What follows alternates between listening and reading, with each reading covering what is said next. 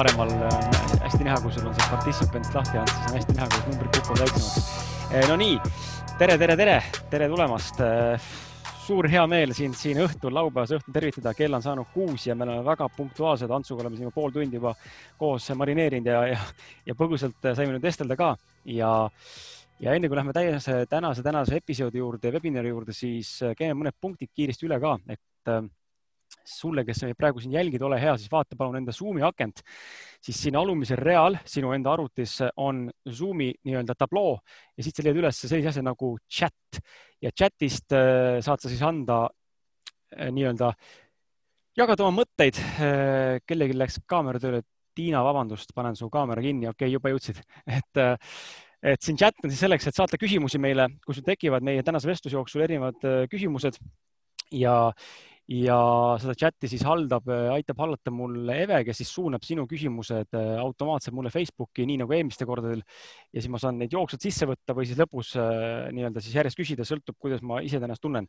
Äh, teeme kiire testiga selles mõttes igaks juhuks üle, et kõik oleks tipp-topp. kas sa kuuled mind ja kas sa näed mind? palun kirjuta chati kas jah, jah, jah või ei, ei, ei, siis ma tean, et kõik on tipp-topp mm okei okay,, kõik toimib, kuuldel, näha, super, vaat kui tore, mulle nii meeldib, kui inimesed on aktiivsed ja vahetu informatsioon liigub, et äh, lähme selle teise osa juurde, mis on järelevaatamine äh,. alates homsest ma lubasin hakata andma siis järelevaatamisse äh, neid webinare ja nad tulevadki alates homsest ehk siis homme mentor Indrek, kes oli esimene webinari külaline, et siis homme tulevad tema omad äh, järelevaatamisse, järelkuulamisse ja iga päev hakkab tulema siis äh, nii-öelda järgneva või siis äh, ühe, ühe külalise nii-öelda nagu sisu sulle saadavale. Need tulevad üles ausad meeste Facebooki videona, ma annan endast parima, et seda teha, videode valid on päris suured, et võib-olla Facebook paneb piirangud ette, aga ma vaatan, kuidas õnnestub. Äh, samuti lähevad äh, kõik videod Kris Kala Youtube'i kanalisse ja samuti kõik failid või kõik webinarid tulevad siis järelkuulamisse ka nii-öelda podcast'i kõikidesse platvormidesse, nii et sealt, kus sa oled harjunud meid kuulama, siis sealt sa tegelikult saad ligipääsu kõikidele podcast idele heli teel.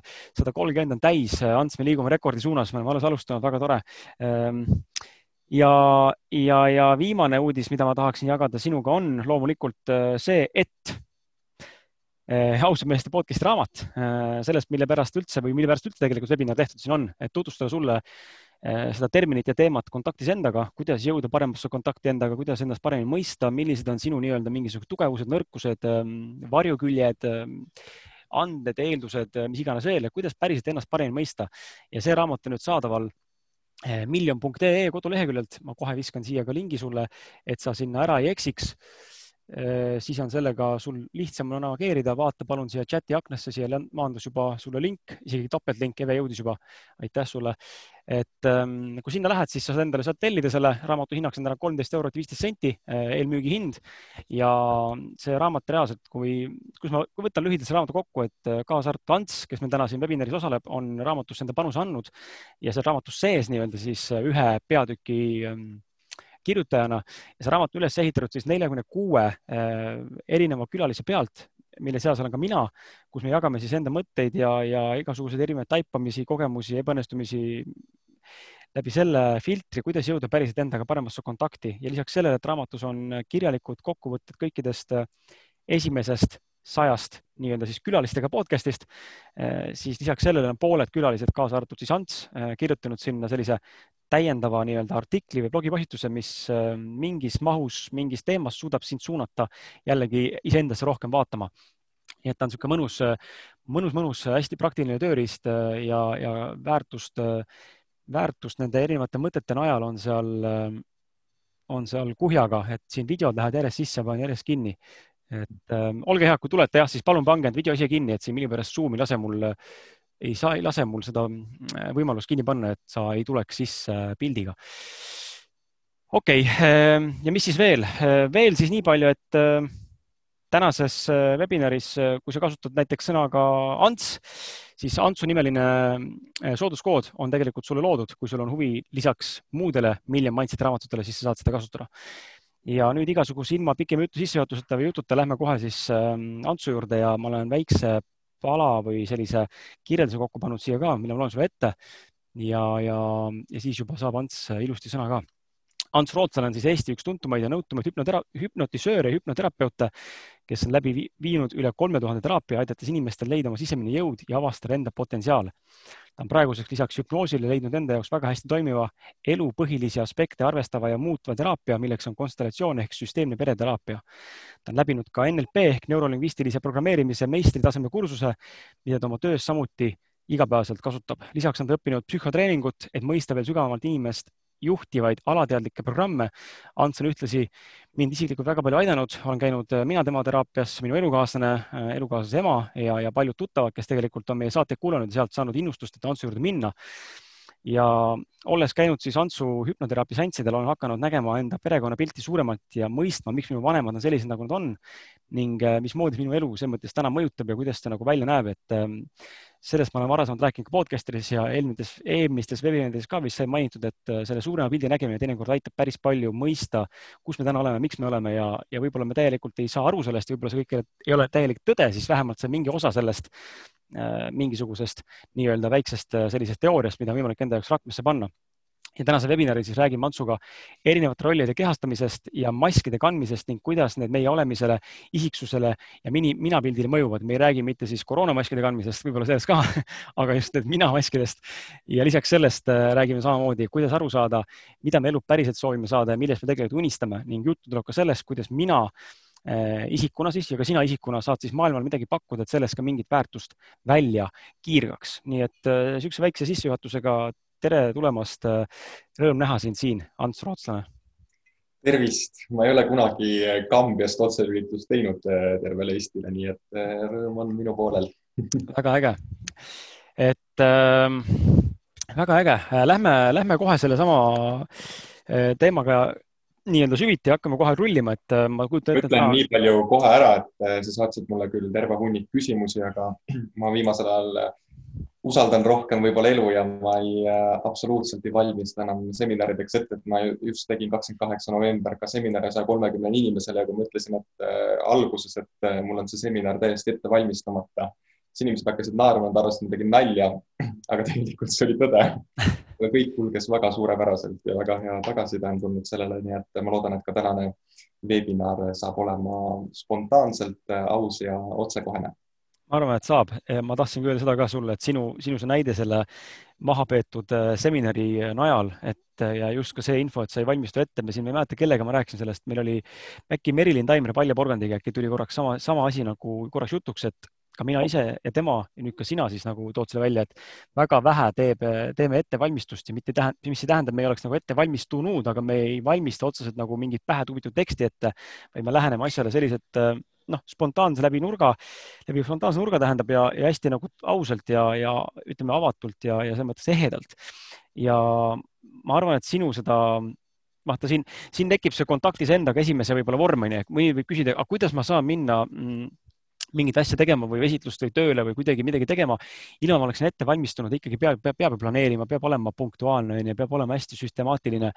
Äh, aga siin tuleb ka mängu see, et see osa kontaktis endaga minu meelest on, on nagu oluline just sama, just nimelt selle spontaansuse puhul. see info, mida sa täna haldad, on ilmselgelt, see ei ole sul pähe õpitud, vaid sa oled läbi kogenud, sa oled selle muutnud nii-öelda praktiliseks tööriistaks.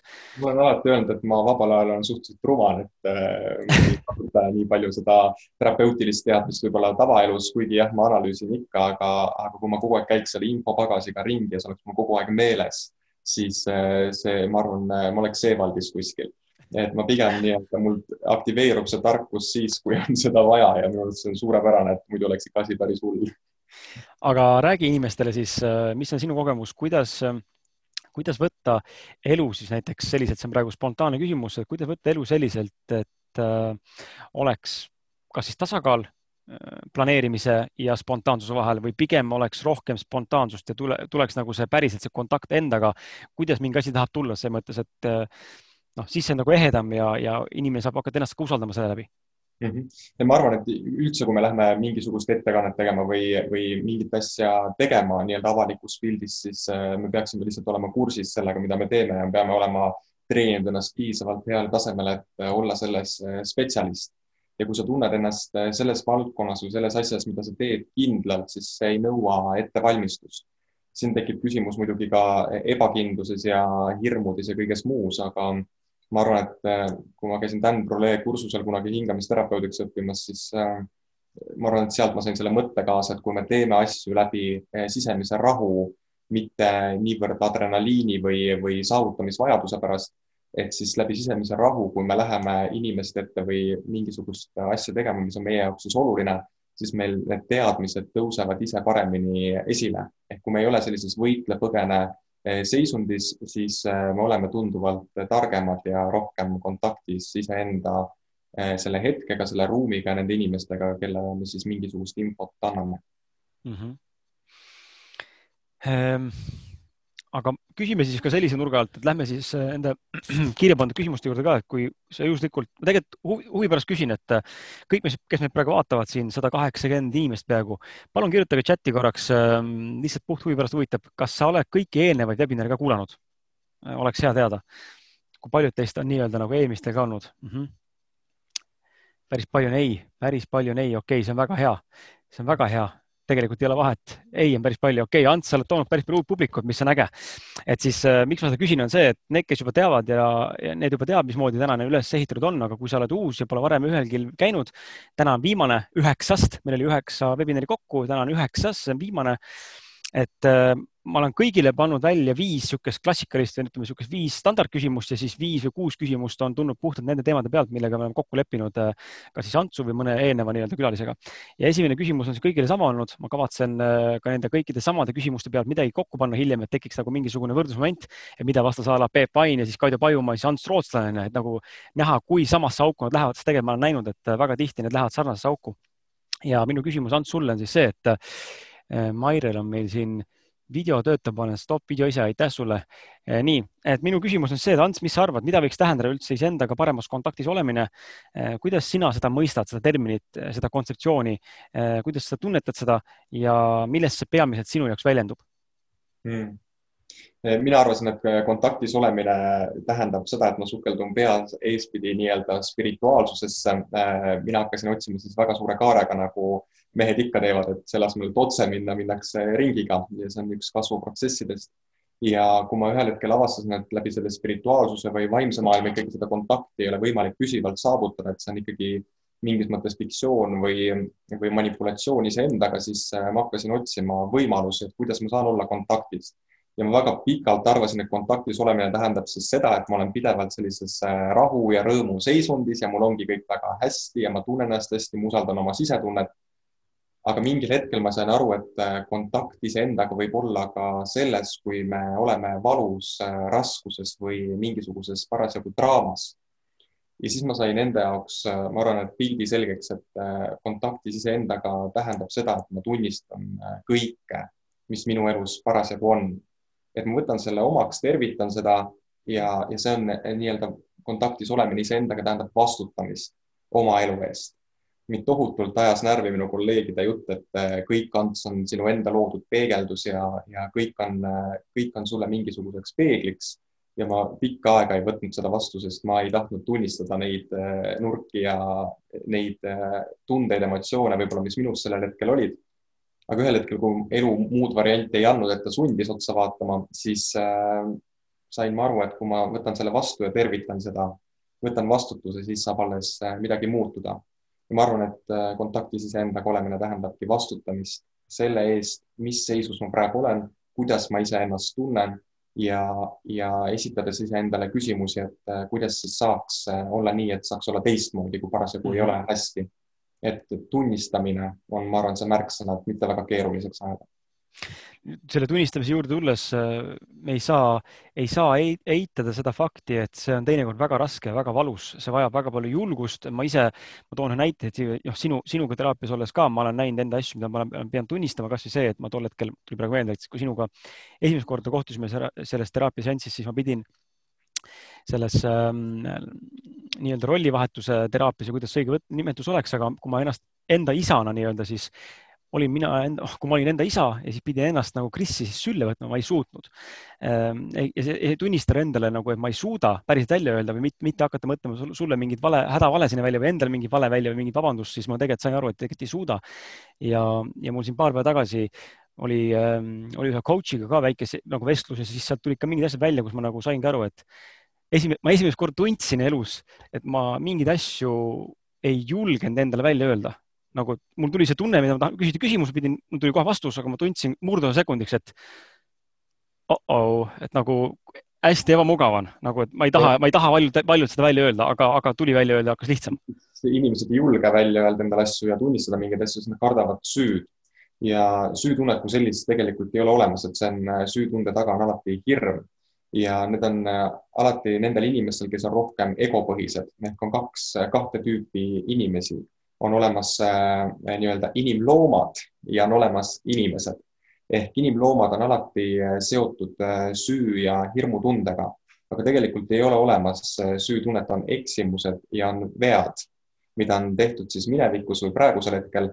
Ja kui me julgeme neid eksimusi ja vigasid nii oma vanemate poolt vastu võtta kui iseendas tunnistada, siis läheb kergemaks kohe automaatselt ma ei olegi, polegi varem kuulnud seda, seda nii-öelda nagu kahte, kahte versiooni, et üks on inimene, siis inimloom nii-öelda. absoluutselt, inimloom on selline inimene, kelle, kellega alati tekib süütunne, kellega ei ole võimalik luua terveid partnerlussuhteid või sõprussuhteid, sellepärast alati on kogu aeg selline küsimus, et milles ma nüüd järgmiseks süüdi olen või mm -hmm. mis on nüüd äh, järgmiseks see, mis sealt äh, vastu vaatab, et see on hästi ettearvamatu ja põhineb hirmul, et sellel hetkel, kui me tunneme Äh, iseendas hirmu äh, teise inimesega suheldes või süüd, siis äh, peaks tegelikult kohe aru saama, et tegemist ei ole terve suhtega ja võib olla tegemist rohkem sellise inimloomaga kui inimese endaga ja meis kõigis on see inimloom olemas.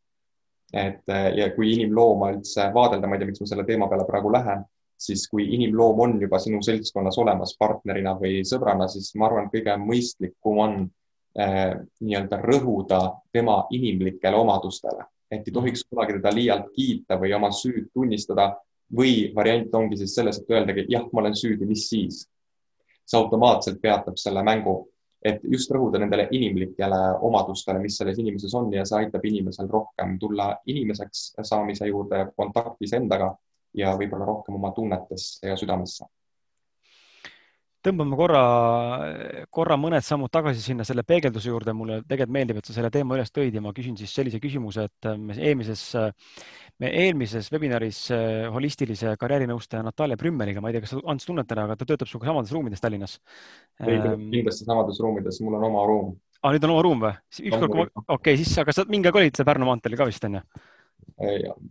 Üle poole aasta tagasi. okei okay,, no siis on mul in, vana info, aga ühesõnaga ta on, ühesõnaga seal ma mõtlesin äkki nad tutvuvad, omavahel tuttavad, aga mm. temaga tuli samamoodi teemaks see peegeldusseadus ja, ja peegeldus nagu see peegeld, maailm kui peegeldus, et ja päris paljud inimesed äh, meile siin äh, selle vestluse ajal kirjutasid chati, et äh, nad tegelikult ei saa aru, nad on kuulanud siin erinevaid inimesi, kes sel teemal räägivad, kuulavad meie webinari, kuulavad neid saateid, loevad selle kohta, aga tegelikult ei saa nagu aru, mida see nagu tähendab, et maailm on sinu peegel kas sa oled äkki võimeline selgitama võimalikult lihtsate sõnadega, kuidas sina sellest aru saad ja mida see tegelikult tähendab ja võib-olla tuua ka mingi näide, kuidas päriselt siis aru saadakse, et maailm on minu peegel mm,? ma toon hästi sügava tiibi äh, kohe näite ja maailm ei ole peegel ainult sinule endale, vaid sellele, kust sa oled tulnud. me peame aru saama ja, ja, ja võtma vastu asjaolu, et me oleme eelnevate põlvkondade tulemus ja me tuleme väga raskest ajast, neljas-viies põlvkond on üle elanud küüditamist, teised maailmasõjad et äh, sealt tuleb terve hunnik erinevaid äh,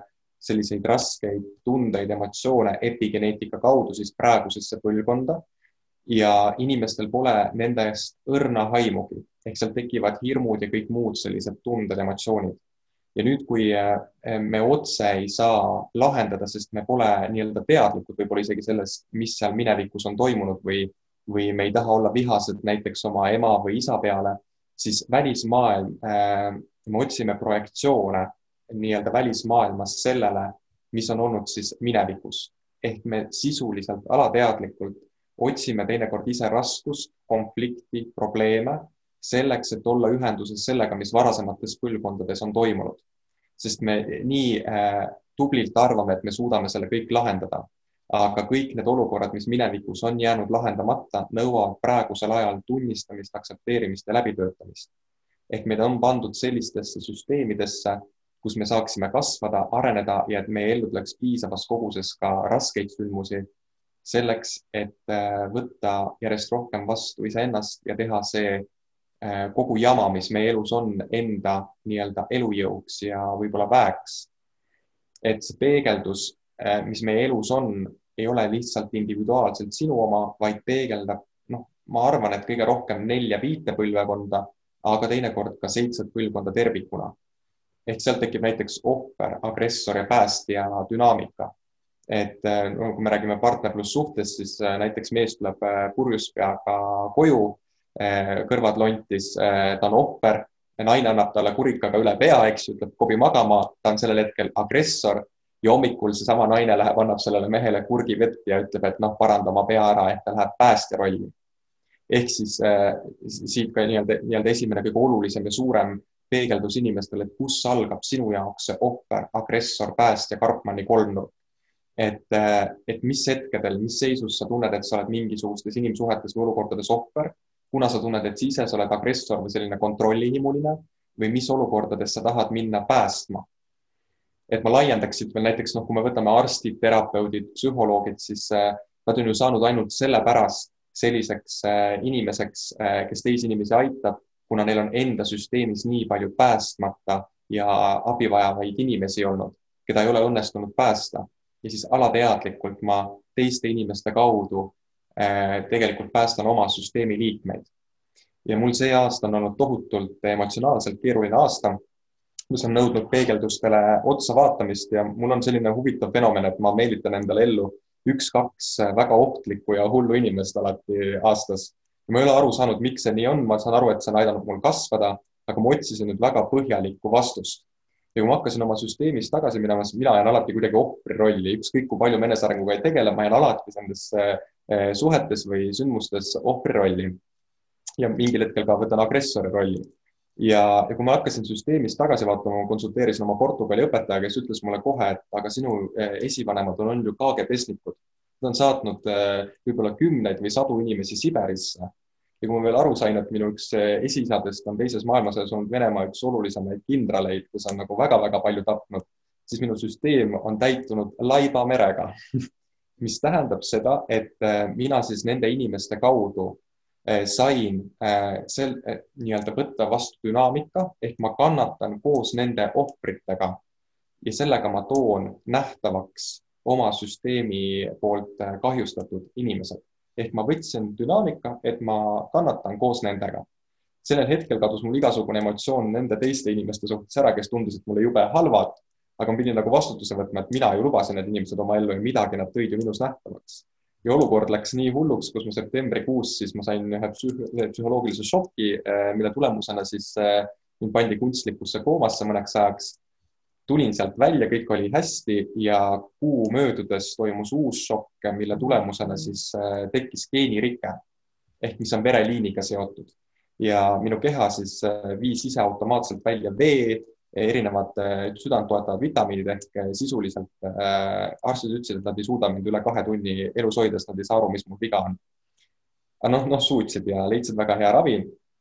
aga see minu meelest näitab väga selgelt ja oluliselt, kui palju me oleme seotud mineviku sündmustega ja kuidas olemasolevad inimesed meie elus toovad need olukorrad nähtavaks. mida rohkem me arengumaailma siseneme ja mida rohkem me enesearenguga tegeleme, seda äh, suuremaks lähevad äh, teinekord lood, aga mitte alati.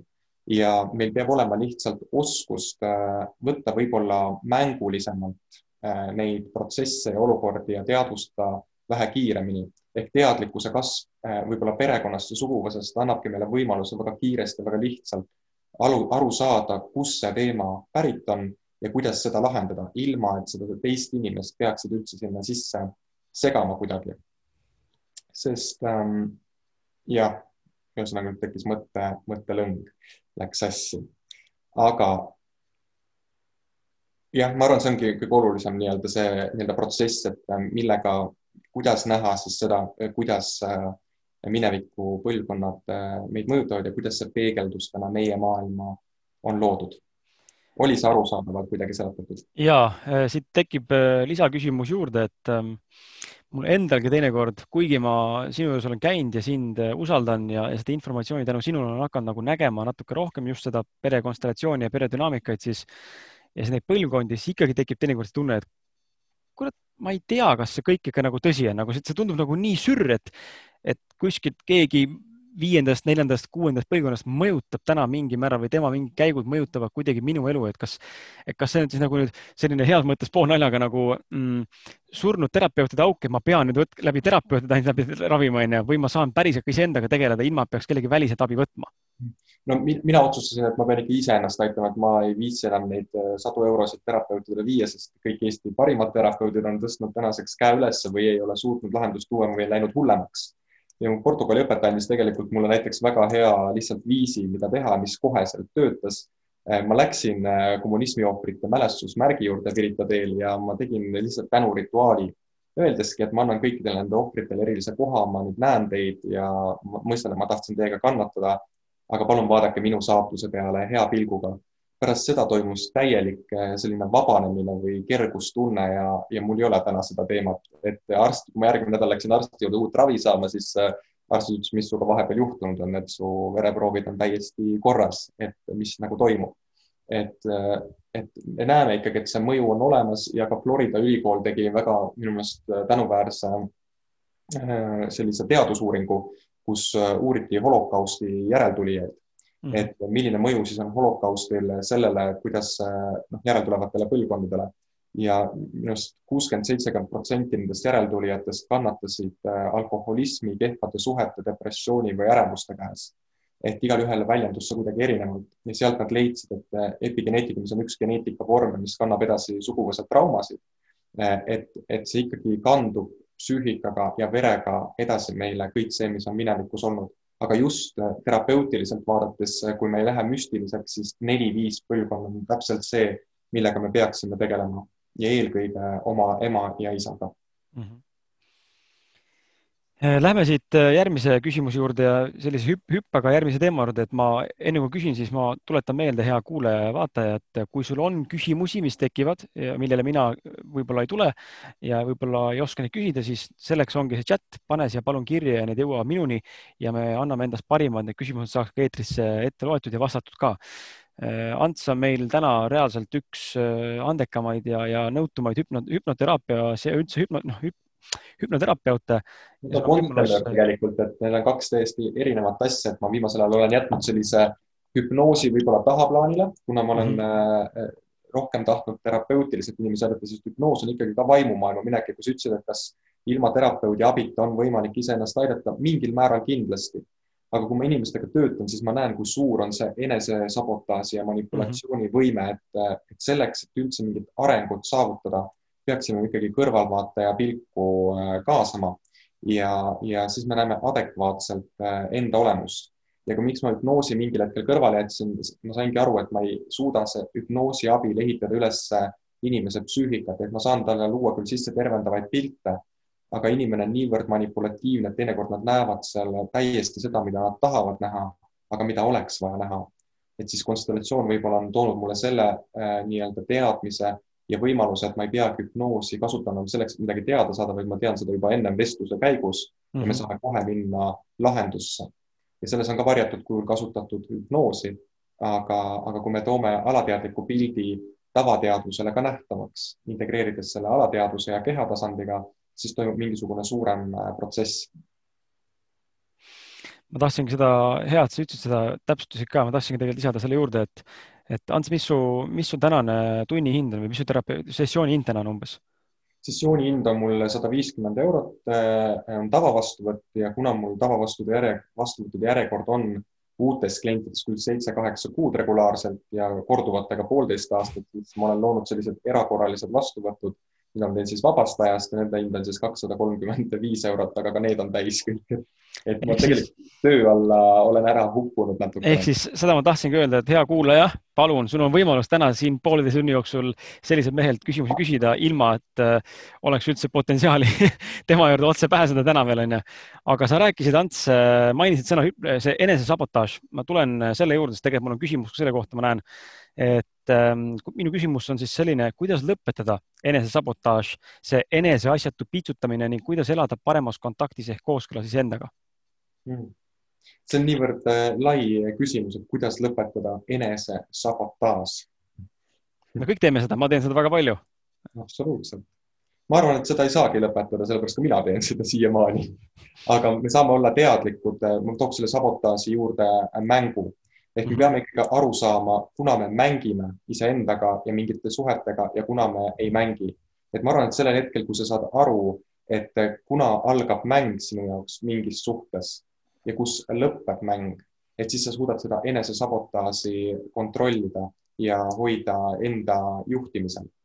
et, et inimesed saboteerivad täpselt nii kaua iseendaga, kuni nad ei ole iseendaga kontaktis mis tähendab seda, et äh, nad ei ole saanud piisavas koguses armastust äh, ja ressurssi oma emalt ja isalt ja võib-olla nemad ei ole varasematelt põlvkondadelt saanud, et see saab, et siis me hakkame iseendale looma selliseid kaitseprogramme, äh, looma illusioone selleks, et tunda kergust, rõõmu, vabadust, teinekord me saboteerime mõned inimesed paremaks, kui nad võib-olla on selleks lihtsalt, et iseendasse saada seda head tunnet ja emotsiooni, mis taustsüsteemist on jäänud äh, saamata. et see enesesabotaaži vähendamine käib ainult selle kaudu, kui me oleme ühenduses sellega, kus me oleme tulnud ja, ja võtame selle vastu sellisena, nagu see on. kas ta andis mingisuguse adekvaatse vastuse? ja see enda vastuvõtmine ja, ja, ja ütleme siis noh, see sõna aktsepteerimine äh, tuleb siin kohe juurde, et. Äh, enesesabotaaž tegelikult algab äh, väga varajases nooruses. kui ma vaatan inimesi, siis nende manipulatsioonitase on niivõrd kõrge iseenda suhtes ja teiste inimeste suhtes. et enamus inimesi ei räägi absoluutselt ju teraapias kaudset juttu, et ma pean siit ridade vahelt midagi välja lugema.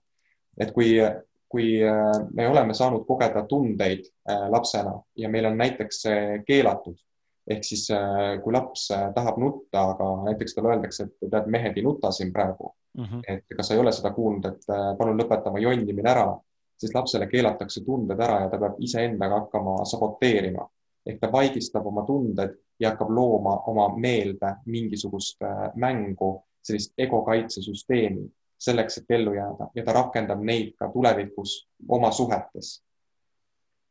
ehk siis näiteks, kui ma kardan lähedust mingi inimesega, siis ma saboteerin iseendaga ja teen näiteks selgeks endale selle, et äh, see inimene ongi tegelikult halb.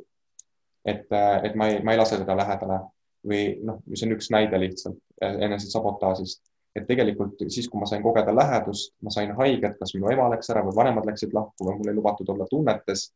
et siis hiljem ma võin ka hakata kartma lähedust partnerlussuhetes või mingites suhetes sõpradega ja siis ma hakkan projitseerima neile kõike seda, millega mina sellel hetkel hakkama ei saanud, et kas süüd, eh, valu, ükskõik mida, et teha see inimene võimalikult halvaks selleks, et ise eh, nii-öelda ellu jääda ja enesesabotaaži loodud maailma toita mm. -hmm.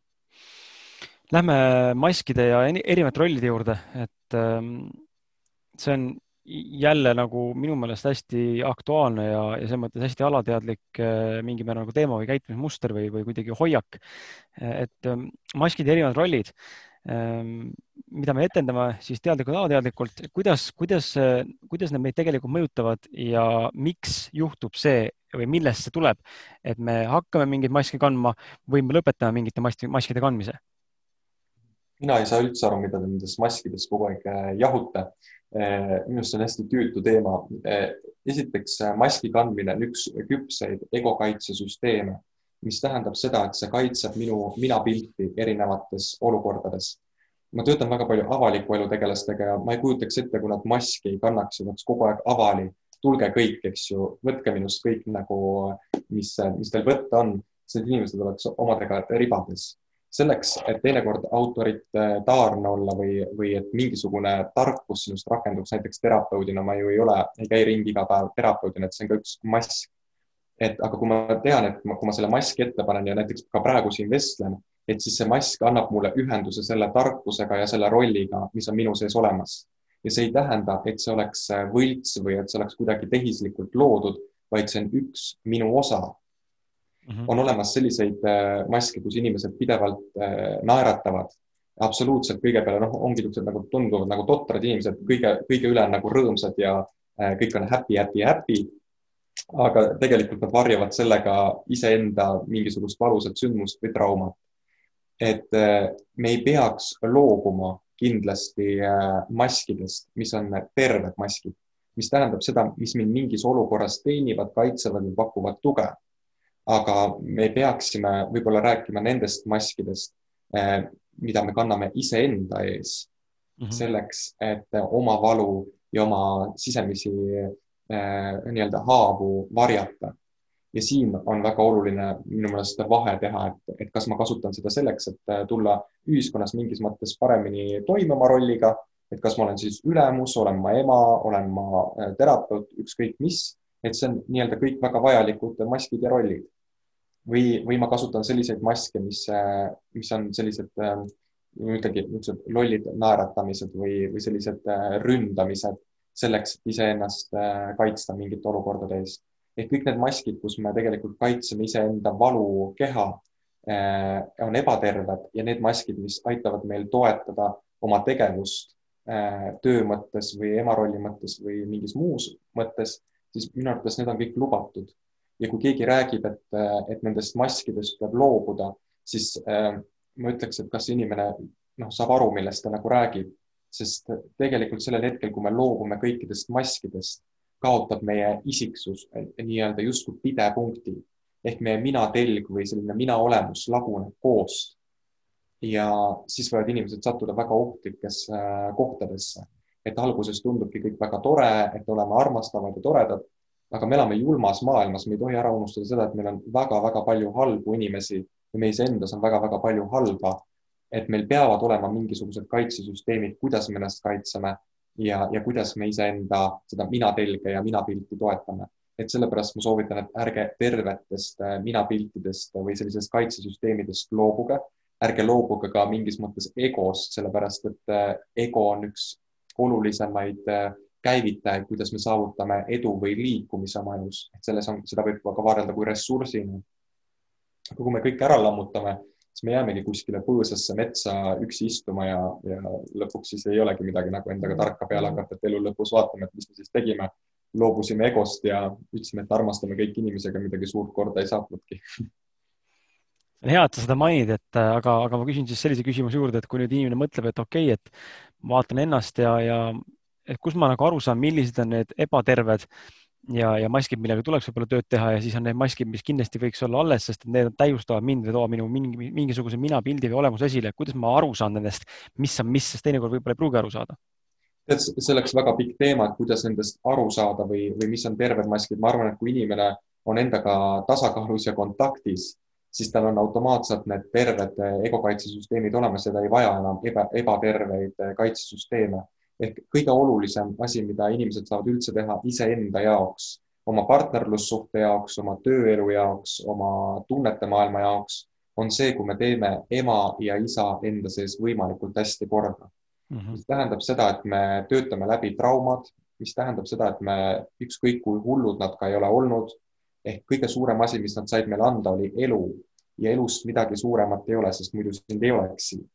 et kui me suudame äh, mingit teed pidi leida ühenduse oma vanemate ja selle armastusega, siis sealt me saame piisavas koguses ressurssi, et olla täpselt need, kes me oleme ja kasutada täpselt neid maske, mis meid toetavad ja kaitsevad. võib-olla, mis on varasemat äh, põlvkondi kaitsenud. et, äh, et kui me läheme sellesse, mis on need ebaterved ja mis on need terved ja hakkame seda pikalt lahkama, siis iga inimese puhul on need nii individuaalsed, et ma arvan, sellest võiks lõpuks raamatu kirjutada mm. -hmm et aga ma arvan, kõige olulisem koht on vaadata oma emale-isale otsa ka siis, kui ühte vanemat ei ole olemas olnud. see ei tähenda, et teda sinu psüühika jaoks ei ole olemas, ehk ta andis ju ikkagi elu, järelikult tal on süsteemis koht olemas. et aga kui ma ei võta näiteks vastu oma isa või ma ei tea, kes mu isa on, kuidas siis inimene, inimesel saab olla terve ja stabiilne välismaailm üldse, nii töö mõttes äh, kui, kui ka nii-öelda suhete mõttes isa ju õpetab kuuendas kuni kaheteistkümnenda eluaastani lapsele seda, kuidas siis käituda ja milliste maskidega siis võib-olla käituda, kuidas selles perekonnas on käitutud, et ellu jääda, et toime tulla endaga. et kui, kui me võtame need mõlemad vanemad vastu ja ütleme neile lihtsalt jah, ja isegi kui see, kui nende eh, nii-öelda seis on raske, et eh, nad on põhjustanud palju valu ja on väga traagilisi perekondi, siis me saame ju võtta vastu ka ainult selle osa, mis andis meile elu mitte midagi muud. ülejäänud ütleme lihtsalt jah, nii oli, aga ma ei saa seda muuta mm. -hmm. et võib-olla see täiendus siia selle, selle nii-öelda maski teema juurde. Ehm, räägime otsustest ja valikutest. Ehm, millest tulenevalt sina neid otsuseid äh, igapäevaelus teed äh, ja valikuid teed ja millest sa lähtud ja miks? ja kui võimalik, siis too, too mõni näide ka mm. -hmm. mille põhjal ma teen otsuseid? jah, näiteks või valikuid mm. -hmm ma olen olnud inimene, kes teeb väga palju mõistuse järgi otsuseid ja olen olnud inimene, kes teeb väga palju sisetunde põhjal otsuseid mm. -hmm. ma, ma alustaks kohe sellega, et ma kaks päeva tagasi pidin tegelikult jääma Tallinnasse, see webinar pidi ka toimuma Tallinnas. aga pärast tööpäeva mul tekkis tunne, et ma pean minema Tartusse, ma ei saanud aru, mis tunne see on. aga, aga siis hakkasid ka aktiveeruma kõik mu sõbrad Tartus, et kus sa oled, et kuna sa Tartusse tuled ja ma otsustasin järgida oma sisetunnet ja tühistasin kõik oma need äh, päevategemised järgnevatel päevadel ära ja sõitsin Tartusse teadmata ajaks. ehk ma tegin otsuse sisetunde põhjal.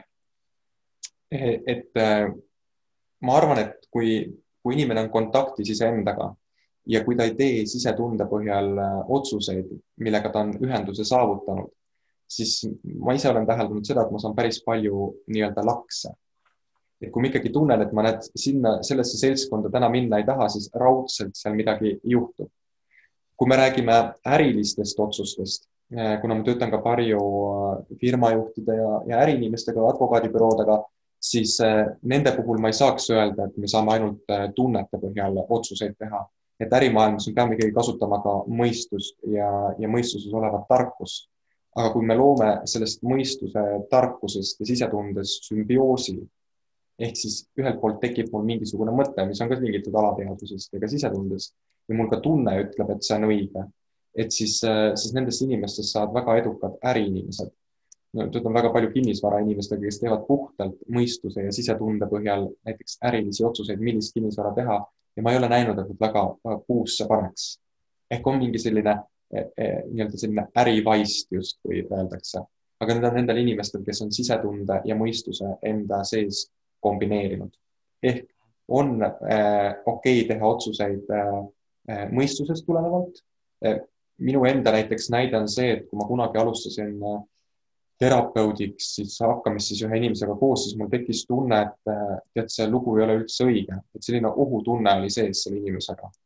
ja, aga mul oli tunne, et ma pean ikkagi temaga koostööd tegema noh, see lõppes sellega, et noh, see lõppes ikka väga hullusti selles mõttes, et ma ei ole sellist kismat, see lõppes Õhtulehe kaanel, et, et see oli nagu hirmus tegelikult, mis lõpuks nagu toimus. aga kui mul seda kogemust ei oleks olnud, siis ma ei oleks täna teiega siin, ehk see andis mulle justkui tiivad. ehk isegi kui meil sisetunne teinekord ütleb, et see on ohtlik eh,, aga sa pead seda tegema, ehk tunne on lihtsalt nii tugev siis pigem teha seda, kannatada see raskus ja valu ära ja, ja võtta seda mingis mõttes mänguna, eh, sest ego siis annab alla. kui me võtame asju mänguna, siis ego jookseb põõsasse ja siis me tuleme lihtsamalt ja kergemalt äh, protsessidest läbi. ma ei tea, kas ma andsin mingi adekvaatse vastuse ära? andsid küll, jah. ma vaatan korra nüüd siia.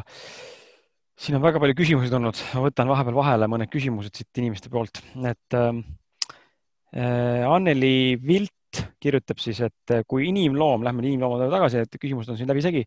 kui inimloom on sinu ema, kes rõhubki kogu aeg sellele, et tema eest tuleb, tuleb süüd tunda, kuidas siis?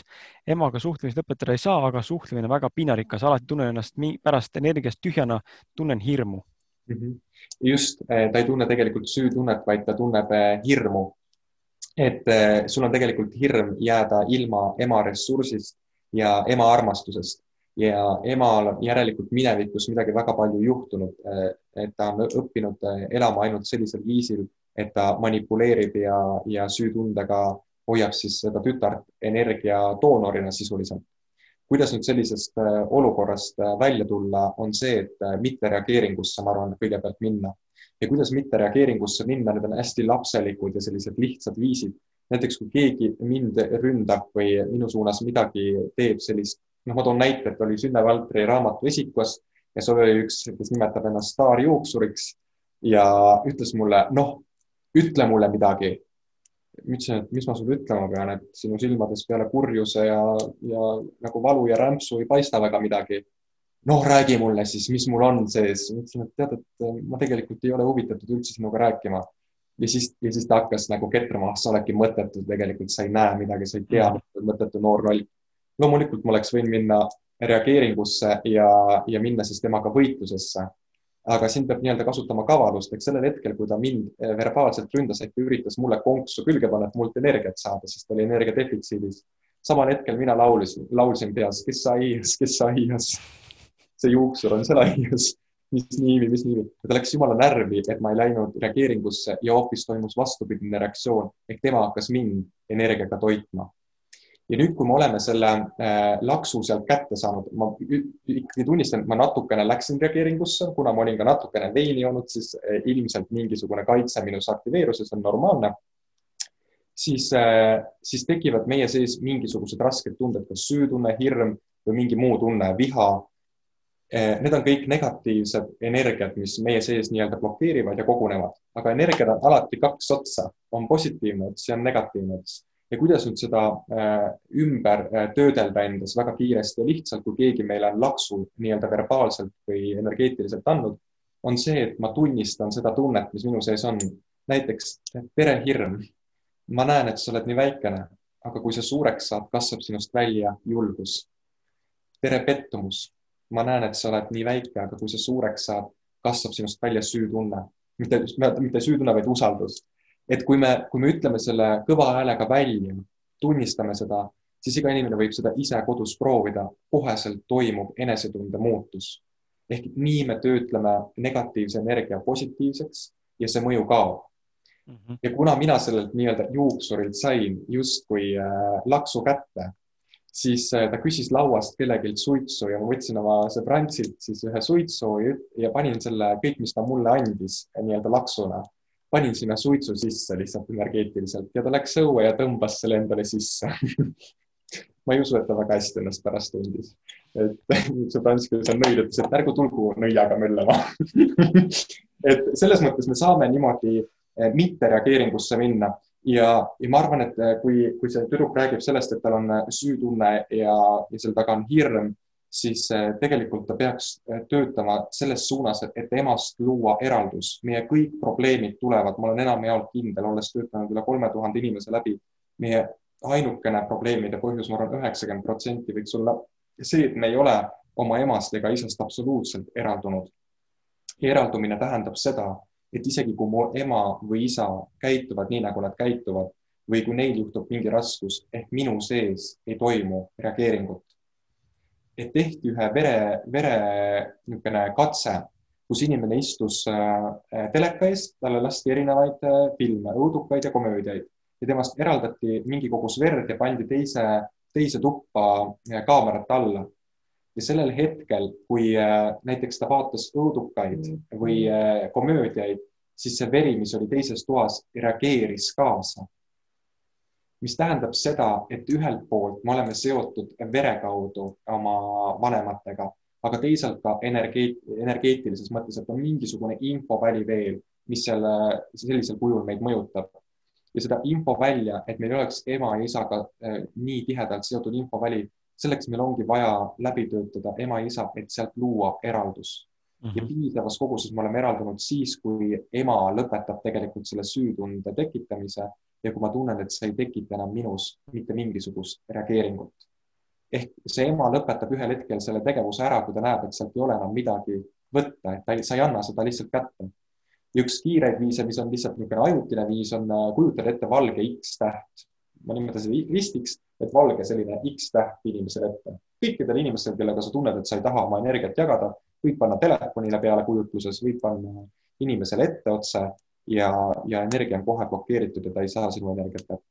see on üks šamanistlik võte väga huvitav, pole proovinud, siis saate, saate kodus katsetada, kui peaks tekkima olukord või mitte ainult, mitte ainult kodus, vaid üleüldse.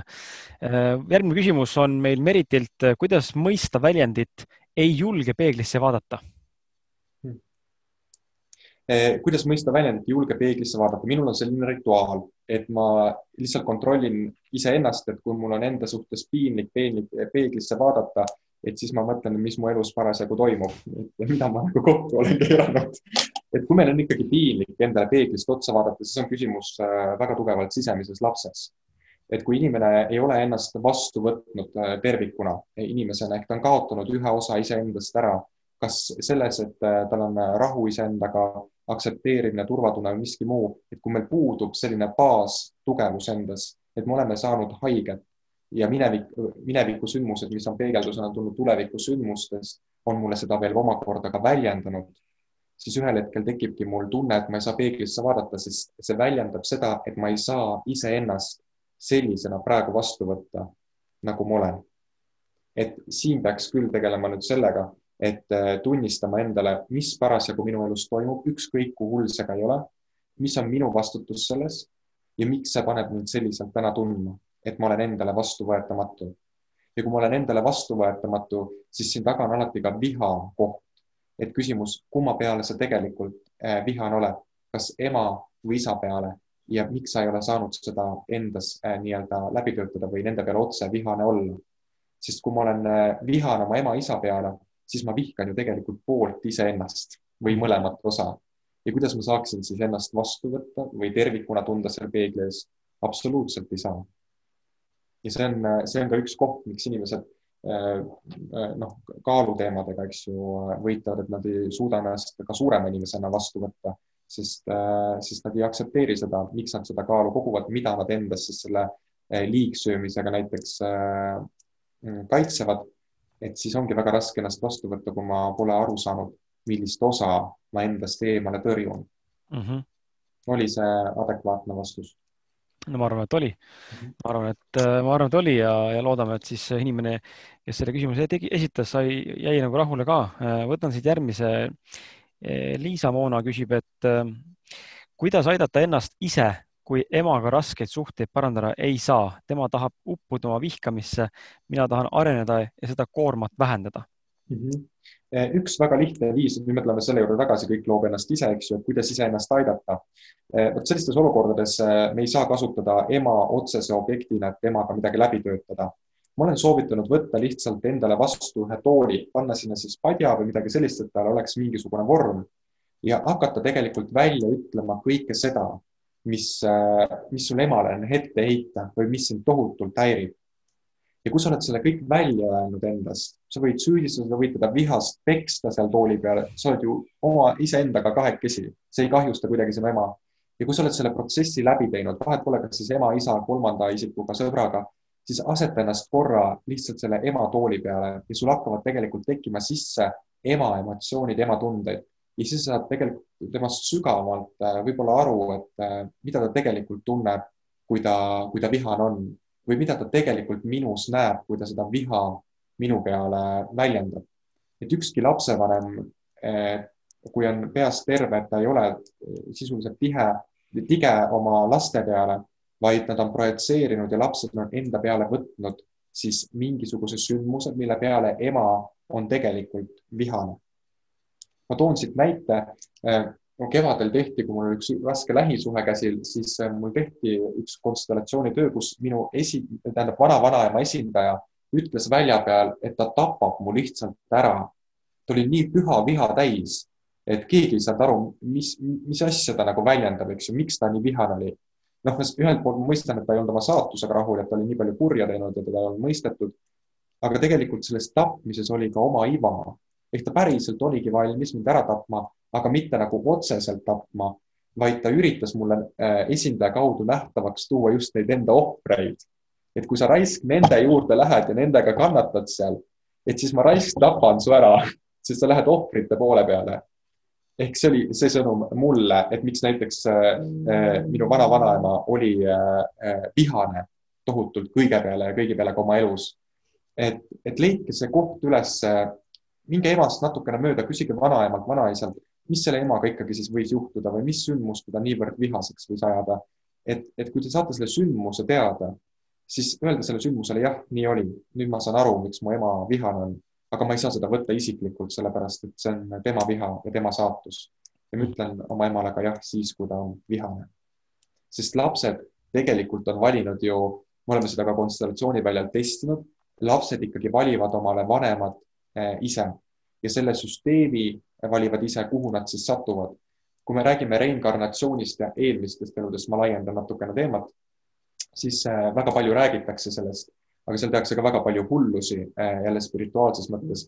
ma ikkagi usun, et eelnevad elud on olemas ja neil on äh, meie praegusel elule ka mingisugune mõju. Aga me ei tohiks minna niivõrd palju eelmistesse eludesse otsima põhjusi, sest nõiad kogu aeg tahavad seletada kõike läbi eelmise elu, sest nii on lihtsam, nad ei pea terapeutilist teadmist siis kasutama.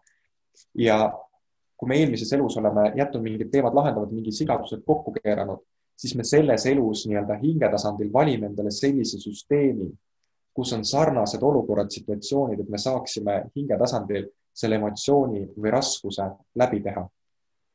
Ja kui siin omakorda veel laiendada natukene tögades spirituaalseid inimesi, mulle meeldib seda teha, eh, kui tögada seda, et nad ütlevad, et kõik inimesed sünnivad nii ilusate hingedena siia maailma, siis noh, mingu pekki ei sünni, sünnivad ikka väga kurjad ja õudsad tegelased teinekord. loomulikult energia on alguses ilus ja puhas, aga hing ja energia on kaks täiesti erinevat asja. Et me peame, ma lähen siit edasi, ma olen praegu hoos, et, et kui me räägime energiast ja jõust, siis hing on alati jõud, samamoodi on ka armastus jõud. ja, ja jõudu kui sellist ei saa kuidagi defineerida, jõud lihtsalt on. energiat saab alati defineerida. ja nüüd, kui su ema on näiteks seal väga vihane, siis see tähendab seda, et tal on väga tugev jõud, miks ta mingil põhjusel vihane on ja jõud paneb käima korduvate sündmuste ahel. ehk nendel inimestel on sõnumise võime, nendel inimestel ongi väga palju negatiivsust ümber, mis näitab nende läbi töötlemata energia hulka. ja kui nad ei oleks vihased, siis nad muutuksid kurvaks ja jõuetuks ehk selleks, et inimene saaks ellu jääda ja kuidagi toime tulla, on võib-olla kasulikum, kui ta on eh, pigem vihane kui abitu ja jõuetu, sest ohvrimeelsed inimesed on kõige nii-öelda kurnavamad inimesed neid on palju raskem vihaseks saada, neid on palju raskem elule saada. Et laske nendel inimestel palun olla ennem vihased. ma olen öelnud, kui Ott Tänak ei vihkaks oma isa, siis ta ei oleks maailmameister. sest viha on teinekord ka loov energia, ta on teinekord kuri jõud, aga teinekord ka loov energia, mis aitab meil oma eluga toime tulla. Ehm, millal peaks minema terapeudi juurde? Nüüd vaadates tänast ühiskonda, siis äh, tegelikult kõik inimesed peaks korra tiiru läbi käima, mitte ainult minu juures. ja me just, just Kirsti äh, Timmer äh, helistas mulle päeval, ütles, saatis ühele terapeudile terve hunnik kliente ja, ja siis see inimene ütles, et aga ma ei viitsi töötada individuaalselt või ma ei taha töötada individuaalselt. et, et mu kolleegid nagu kurdavad, tööd ei ole, aga tööd nad teha nagu ka ei taha. et mul on selline küsimus, kelle juurde ma üldse neid inimesi saadan, kui neid väga palju tuleb, et ma ei jõua ise ära teha et tegelikult häid terapeute on vähe, äh, kes, kellel oleks selline spetsiifiline teadmiste pagas mina arengust või perekonnast. ehk kui me räägime ka konstellatsioonist kui konstellatsiooniteraapiast, siis konstellatsioon on suurepärane diagnostikaviis ja paljud konstellerid töötavad selliselt, et teevad siis esindajate kaudu välja peal midagi inimesele nähtavaks, et inimene näeb selle koha ära. aga vot selle individuaalse tasandiga nad töötada ei oska, seda koolis tegelikult ei õpetata sest terapeutiline protsess algab sellest hetkest, kui kaasatakse tunded ja emotsioonid. et kui sa käid psühholoogi juures lihtsalt nagu rääkimas, siis äh, see ei ole terapeutiline protsess ja see ainult toidab sinu nii-öelda seda inimlooma ehk ego ehk aitab sulle luua veel uusi mõttemustreid, võib-olla teinekord veel kaugemale ennast viia, kui, kui sa tänasel päeval oled. et me peame radikaalselt ikkagi vaatama sinna psüühikasse sisse, töötama läbi tunded, emotsioonid ja siis saab mingisugune lahendus toimuda. ja ma arvan, et terapeudi juurde võiks minna ikkagi ainult siis, kui on äh, mingisugune küsimus, konkreetne küsimus, millele sa ei leia ise lahendust. sest lihtsalt, kui mõni inimene tuleb, et ma küsin, mis sa siis tuled siia, siis ta ütleb nagu, et ma ei tea, ma lihtsalt uudishimust. ma ütlesin, et uudishimust ma võtaks sult lihtsalt selle raha vastu ja näge mis, sellepärast et uudishimust kunagi ei sekkuta alateadvusesse ja tunnetesse ja veel vähem peresüsteemi, sest see on lubamatu, sa rikud sellega hierarhia seadusi. et sul ei ole õigust kuhugi minna ja midagi teha, kui sul ei ole küsimust või, või probleemi parasjagu kursil või olemas. ehk siis terapeudi juurde minge ainult siis, kui teil on konkreetne küsimus, millele te pole leidnud lahendust ja, ja valige, ma arvan, just ka sisetunde põhjal terapeut, et isegi kui te ei jää selle teraapiaga rahule, siis see on teekond. mingis mõttes ka nõidade juures käimine on teekond et see on nagu ettevalmistus millekski selleks, mis kunagi saab sinuga juhtuda. et, et nii-öelda toimuks mingisugune murrang, sest mõnikord peavad inimesed käima nelja-viie terapeudi juures, enne kui ta jõuab üldse selle õige juurde. et kuigi need neli-viis terapeuti tundusid tema jaoks nagu halvad, aga nad aitasid tal ette valmistada läbi selle protsessi seda suuremat protsessi, mis lõpuks siis juhtus. ja hea terapeudi, kui rääkida veel terapeutidest, siis hea terapeut, ma arvan, on see, kes loob sellise keskkonna, kus kõik on lubatud.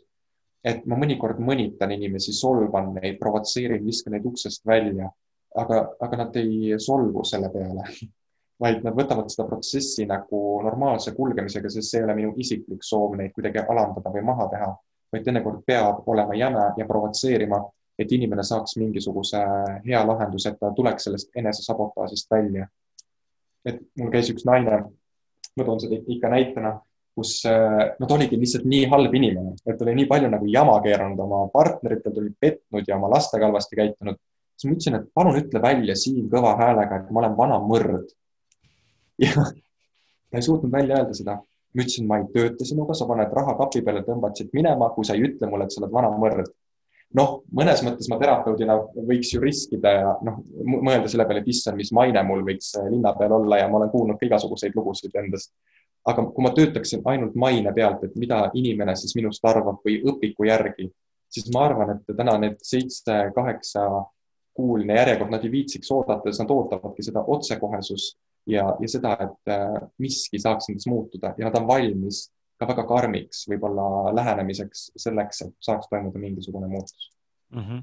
kas ma andsin sulle vastuse või teile vastuse? ja, äh, võtan ühe külas, ühe kuulaja küsimuse veel ja siis äh, võtan mõned enda vahele ehm, Ann kirjutab siis, et kui mul on mitu probleemi või plokki, erinevad teemad, mille põhjusi ei ole ma teadvustanud, aga tahaksin ära lahendada, kas ühe konstellatsiooni käigus peab saama mitu teemat korraga ära lahendada või peab tulema üks teema korraga? ma siin enda näite, enne kui Ants vastab, ma toon seal selle näite, enda näite ka, kui esimest korda tulin, siis mina arvasin ka, et mul oli, ma panin kirja paberile Antsule sinna nii-öelda eelregistreerimisse panin kirja ka, et mul on viis teemat, millega tahaks tegeleda, justkui, mis tunduvad täna probleemid. Ja siis äh, maha istudes siis Ants tegi üsna selgeks, üsna kiiresti selgeks mulle selle, et probleem põhimõtteliselt on ainult üks, need on tegelikult juba nii-öelda nagu tagajärjed, et äh, nendega ei ole vaja järel tegeleda. Ja tihtipeale mulle tundub ka, et äh, sa võid siin mind korrigeerida, aga mulle tundub ka, et iseendale vaadates ja ümberringi inimestega suheldes siis me tahame väga tihti mingeid pseudoasju hakata nagu hästi suure elevandi mingisuguse kella külge nii-öelda panna, tegelikult sellega ei ole üldse nagu näppida ja torkida, sest et see ei puutu üldse nagu põhiprobleemi ja miks inimesed seda teevad, sellepärast et nendega nad ehitavad endale kaitset selle põhiprobleemi eest Mm -hmm. ja ma arvan, psühholoogid siin kõige rohkem orki lähevadki, et nad usuvad alati seda klienti, mida klient räägib, ma enam, enamjaolt üldse ei usu, mida nad suust välja ajavad endal, sest äh, klassikaline kognitiivne äh, teraapia või, või ka klassikaline psühholoogia äh, vaatleb igat probleemi kui eraldi objekti. ehk siis tähendab seda, et kui meil on puu, selline suur puu, siis ta hakkab siin vaikselt neid oksi nagu tervendama ja parandama aga ma, ma, ma oleks nagu sellele veendumusel, mis on ka nagu hästi töötanud, et ma lähen kohe sinna juure juurde ja kui ma selle juure ära lahendan, mis seal nagu teemad on, mis on andnud nagu äh, mõju ka nendele okstele, et need oksad on vigaseks jäänud või hallitama läinud või mädanema läinud. kui ma selle juure korda seal teen, siis tegelikult äh, kaotavad tagajärjed tähtsuse ehk need kaovad meie elust ära, sellised peegeldused, sellised probleemid. kui minna terapeudi juurde, siis äh, teinekord inimesel on kümme küsimust aga kui me saame selle teema lahendatud, millest see on alguse saanud, siis äh, mõnikord saadakse ka kahele-kolmele, neljale probleemile korraga lahendus, sest nad on tegelikult algmõttes ühesugused mm. -hmm. taandame selle täitsa tunnete maailma nii-öelda välja, sest nad on alguse saanud mingisugusest sarnasest kohast. et äh, üldjuhul võiks tulla ikkagi ühe-kahe küsimusega, mis minu elus on, lahendada see ära, vaadata, mis protsess ja progress sellest tekib ja siis minna järgmiste asjade juurde. ja ma arvan, et äh, need inim-, noh, ma ei viitsi täna enam töötada toimetuleku maailma inimestega, mis, mis tähendab siis seda, et nad ei ole valmis vastutama tegelikult, et nad ei ole valmis äh, tunnistama ka seda, et ärevus ei ole ravimatu haigus, et see on võimalik nagu võib-olla ühe-kahe sessiooniga täiesti ära võtta sult või läbi töötada. aga nemad ei usu ja nad tahavadki, et terapeut tegeleks sellega, et ta kuulaks neid ja, ja kogu aeg nii-öelda rahustaks, et ta võtab ta justkui endale meelele tugiisikuks kui oma avaliku elu tegelastega töötan, siis mõned inimesed ongi sellised, kes otsivad mitte lahendust, vaid otsivad sellist tugiisikut endale mm, -hmm. kes oleks neile kogu aeg olemas, kelle poole nad saaksid pöörduda, aga vastutada nad kunagi ei taha. et ma olen lihtsalt katkestanud nende inimestega terapeutilise töö, kui ma näen, et inimeses ei toimu mitte mingisugust arengut ja ta kasutab siis lihtsalt ressursina ära. et siis äh, minge ühe-kahe küsimusega konstellatsioon annab diagnostika mõttes väga laia pildi, aga näiteks Liis Kuurme Timewaveri aparaat eh, teeb eh, väga tublit tööd, minu meelest loeb info väljast välja kogu süsteemi ja kogu need dünaamikad, mis sul on ehk diagnostikaks selle suurepärane, aga terapeutiliselt tuleb see ka läbi töötada mm. -hmm kuidas me lähme nüüd korra siia, et nende minu, minupoolsete küsimuste juurde ja lähme selle juurde, et kuidas aru saada, mis on nagu hästi oluline teema jällegi. Kuidas aru saada, mida me päriselt soovime elult saada ja millest me päriselt unistame ning kuidas mõista ja aru saada ja läbi näha, eh, kas meie unistused on meie omad või on need kellegi teise omad, tegelikult meie vanemate, meie kolleegide, meie vendade, õdede, sõprade.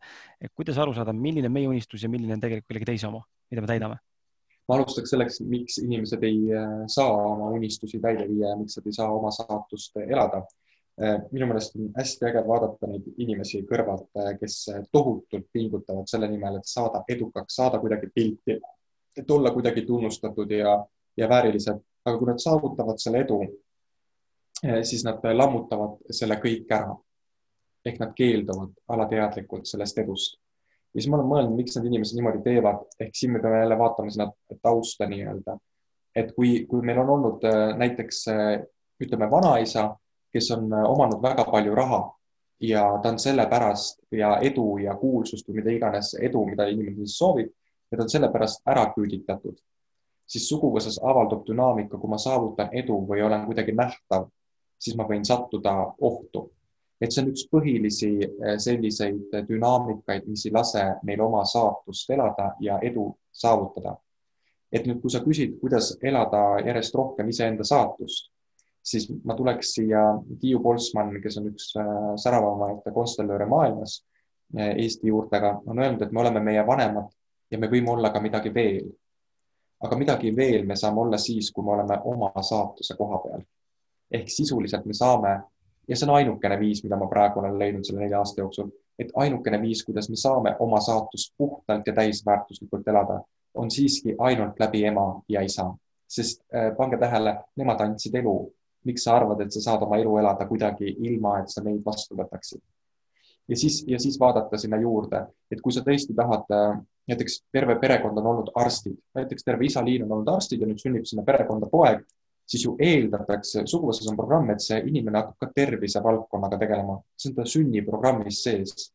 ja kujutad ette, kui see inimene nüüd ütleb ei, et ma ei, ma keeldun arstiametist. tavaliselt nad seda ei tee, sest neil on süütunne, hirm, et nad siis ei kuulu.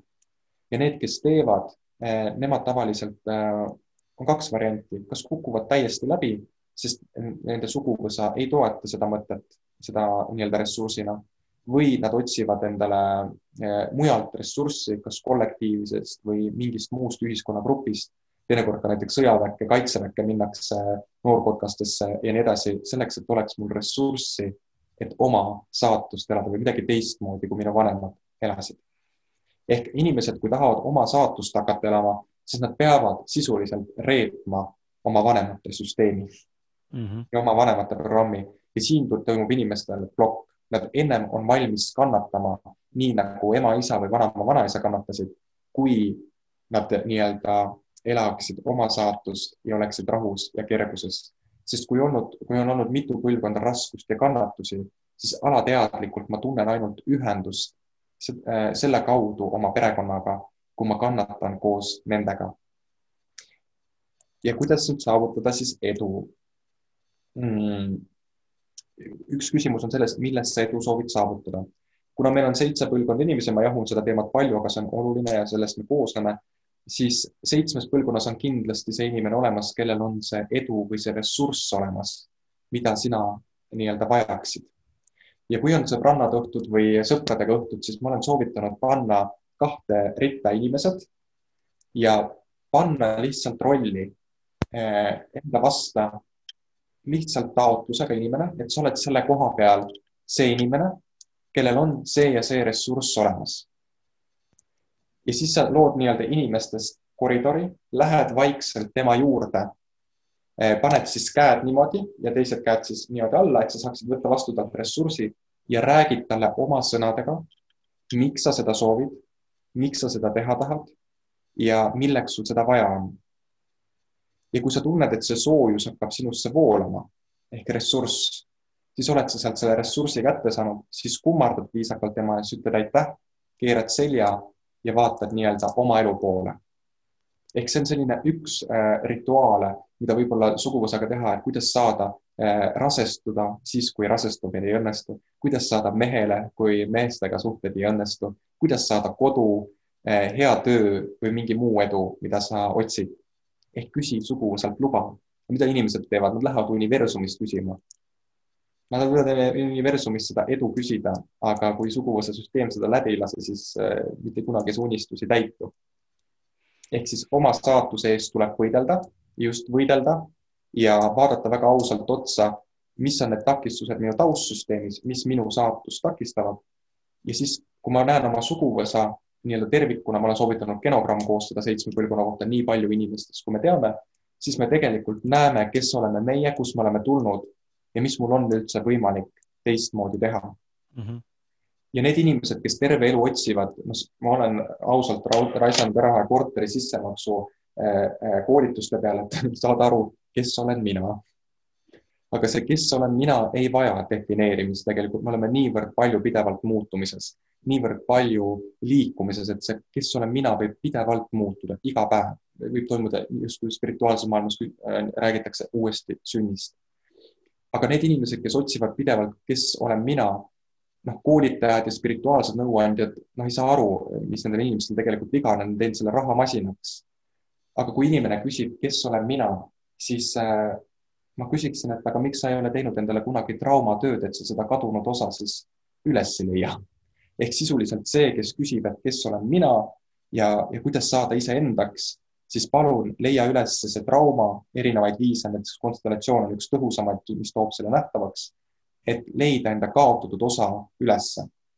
sest kui me leiame need kaotatud osad ülesse, siis nendel inimestel ei teki küsimusi, kuidas saavutada edu, kuidas olla hea, eh, kuidas jõuda oma saavutatud eesmärkideni, siis sul on lihtsalt ressurss, sinu enda saatus, mis hakkab seda toetama kui ma alustasin hüpnoterapeudina, no mul polnud õrna aimugi, et mul nii hästi hakkab minema, et ma võtsin, mulle anti sisuliselt ruum, öeldi, et hakka tegema. esimesel kuul oli juba kuu aega ette nagu äh, asjad nagu noh, kliendid nii-öelda olemas. Järgneval kuul oli juba mitu kuud, siis ma hakkasin muretsema, mõtlesin, et äkki peaks ikkagi kõvasti reklaami tegema, et äkki inimesed kaovad ära ja siis ma loll tegin nagu üle poole aasta või aasta aega reklaami ja siis assistent ütles, palun lõpeta ära, et ma ei jõua enam nendele inimestele ei öelda või neid listi panna. ehk kui me oleme oma saatuses, siis tegelikult kõik tuleb niimoodi nipsust kätte. ja mõnikord ei tule ka, mõnikord me peame vaeva nägema, siis tekib nii-öelda selline areng, sest mõnus selline pingutus äh, ja distsipliin, ma arvan, on see, mis aitab alati edule, et kui me tunneme, et selles on pingutus, et see ei ole minu jaoks midagi nii lihtsat.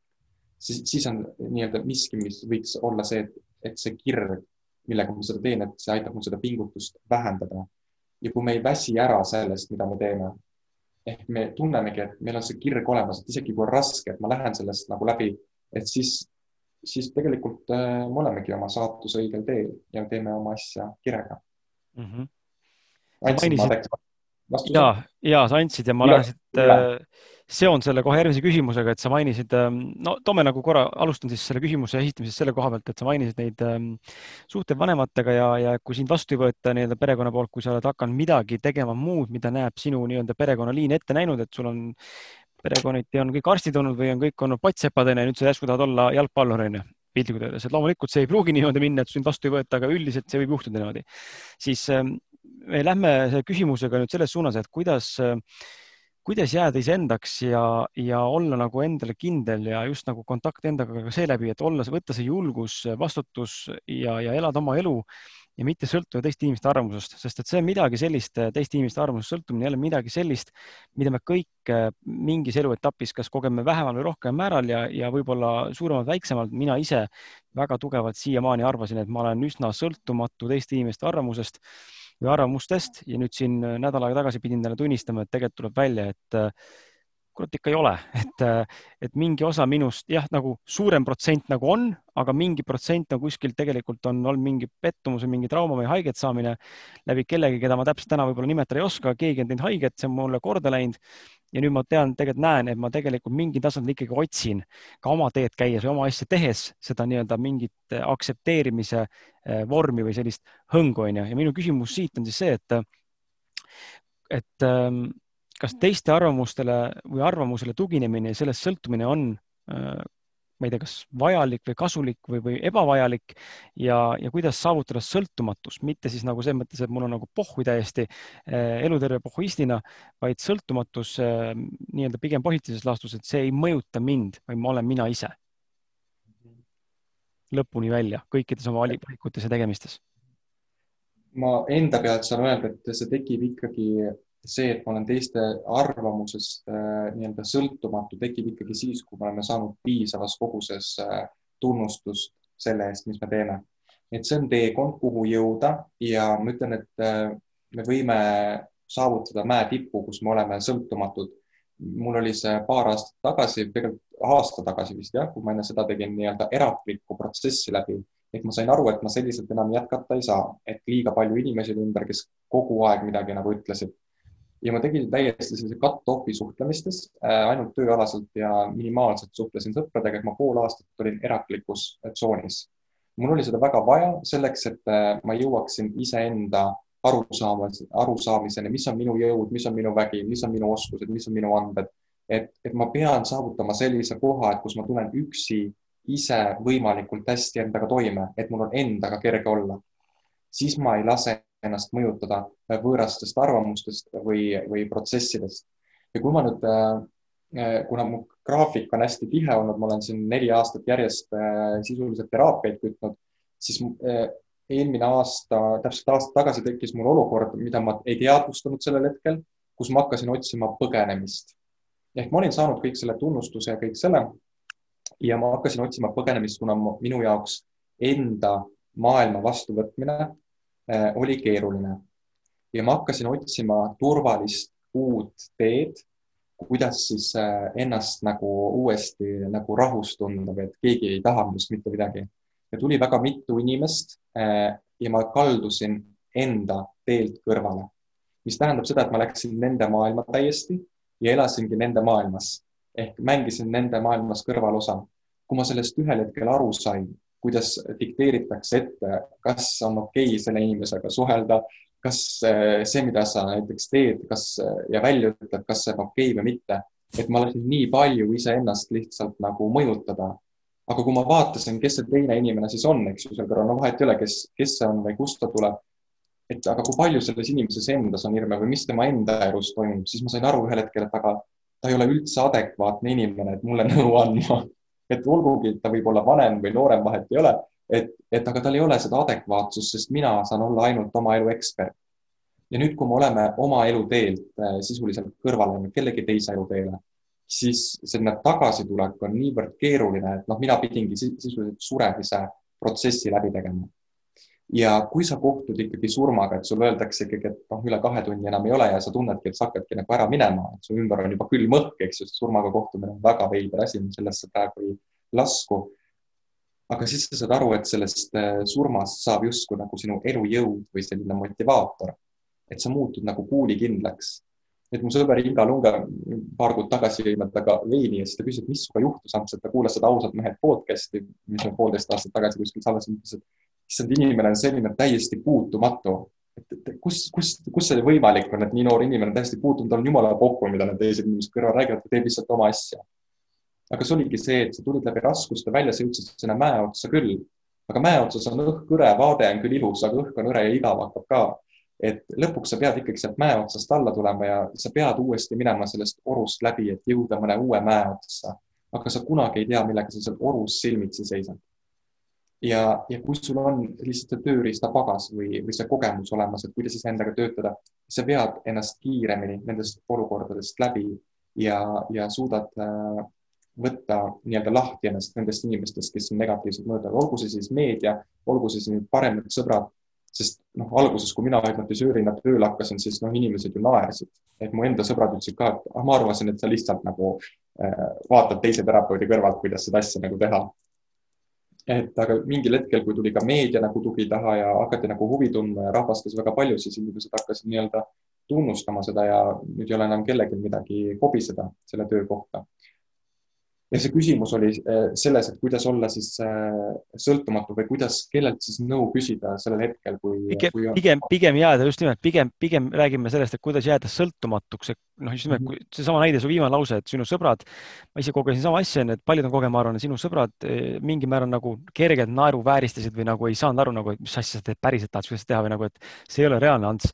siis kuidas jääda seal sõltumatuks, sest et see on see, mis teinekord inimest murrab tegelikult mm. -hmm. aga peabki murdma just see koht, et eh, ma ennem andsin eh, nii-öelda nipi, kuidas siis seda endast läbi töötada ja kuidas seda muuta, aga tulebki maha murda, sest tugevad inimesed jäävad ainult ellu, nõrgad koolevad ära. Ja, ja, ja me peame selle murdmisprotsessi läbi tegema selleks, et olla tulevikus tugevamad, sest tulevikus tulevad veel tugevamad murdmisprotsessid võivad tulla ja me peame nendeks valmis olema. suur edu tähendab alati ka suuri katsumusi ja väga palju kadedust aga kui sa nende oma sõpradega hakkama ei saa, mida sa seda suurt edu siis lähed otsima mm? -hmm. et see on teekond kõik, see tuleb läbi teha ja lihtsalt äh, võimalusel võimalikult vähe võib-olla nõu küsida nendelt inimestelt, kes ei ole sisuliselt adekvaatsed andma seda nõu ja kellelt siis nõu küsida. Äh, psühhodraamas on üks selline terapeutiline võte, et kui inimene räägib, peab dialoogi mingisuguse isikuga enda ees et siis kasutatakse sellist peegli vormi. Ja peeglina võib kasutada siis kolmandat objekti ehk siis äh, näiteks enda vanemat mina. kui ma tahan iseenda teemade kohta nõu saada, siis mul on kaks varianti, kas ma küsin Kirsti Timmeri kaartidelt või ma küsin enda vanemalt minalt. et mõnel hetkel ikkagi on see, kus no ikkagi see inimlik äh, pool peab sisse, et ma ikkagi ei usu iseennast. Ja siis on hea, kui keegi vahepeal üle kinnitab mingid asjad, aga tõesti, ma küsin nõu alati enda viiekümne aastaselt minalt kes on elu kogenud, kes on väga palju protsesse läbi teinud. Ja ma pean temaga dialoogi. Ehk ma esitan talle küsimusi ja istun siis diivanil tema koha peale, kus on viiekümne aastane mina ja lasen iseendal vastata. ehk ma toon enda psüühikas selle targa osa välja ja jätan võib-olla praeguse sellise noore rumalama osa eh, ka taamale. Ja siis hakkan nende kahe vahel dialoogi pidama. üllatavalt huvitavaid vastuseid võib tuua, tulla, sest me saame adekvaatseid vastuseid siis, kui me toome enda psüühikast selle koha välja, millele me vastust tahame saada et siis meil on võimalik mingisugust nagu progressi luua. et kui te ei saa oma sõpradelt tuge, oma perekonnalt tuge, siis kasutage äh, nii-öelda tehisobjekti, mis ei ole ka tehis, kui sa kasutad seda vanemat versiooni, sest kõik on siin ajas ja ruumis juba ühel hetkel toimumas. et me oleme juba siin olemas. et äh, kasutage seda enda potentsia-, potentsiaali ja tarkust, mis teil on. Ja, äh, ma küsin igaks juhuks, igaks kümneks juhuks küsin üle, oli see vastus adekvaatne ja andis see mingisugust sellist absoluutselt, absoluutselt. Äh, meil on jäänud, Ants, äh, reeglite kohaselt, paika pandud reeglite kohaselt äh, alla kümne minuti. ma enda küsimusi nüüd rohkem ei küsi, ma võtan siit järjest nüüd, tähendab pisteliselt, suvaliselt mõned küsimused meie tänaste nende inimeste pealt, kes jälgivad, sest neid küsimusi on siia ikka väga palju tulnud ja neid kõiki ette kahjuks lugeda ei ole võimalik.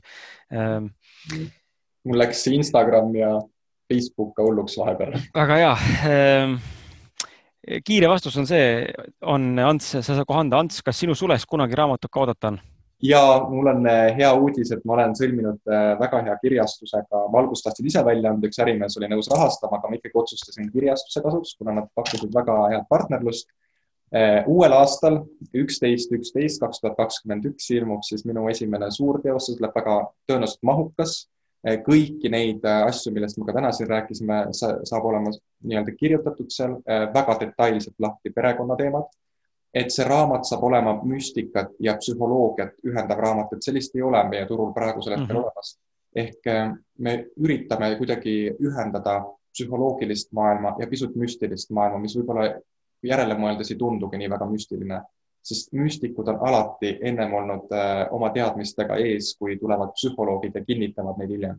ehk ma tahaks luua sellega mingisugust progressi, et äh, sõlmides need kaks maailma kokku, et me ei lahustaks neid või näeks neid tervikuna, et see on nagu holistiline teraapia, mis lähtub tervest kehast, hingest ja vaimust, mitte ainult siis mõistusest ja ego vajadustest mm. -hmm. et see, see raamat saab äh, tulema ja ja jah, ma arvan, et sellest, see tuleb suure pauguga välja ja esimeseks juuniks peab olema siis käsikiri valmis, nii et ma alustan siin ka raamatu kirjutamist, et ma teen veel vähem tööd, nii et sorry, mul ei ole nii palju aega, et teile anda väga lahe.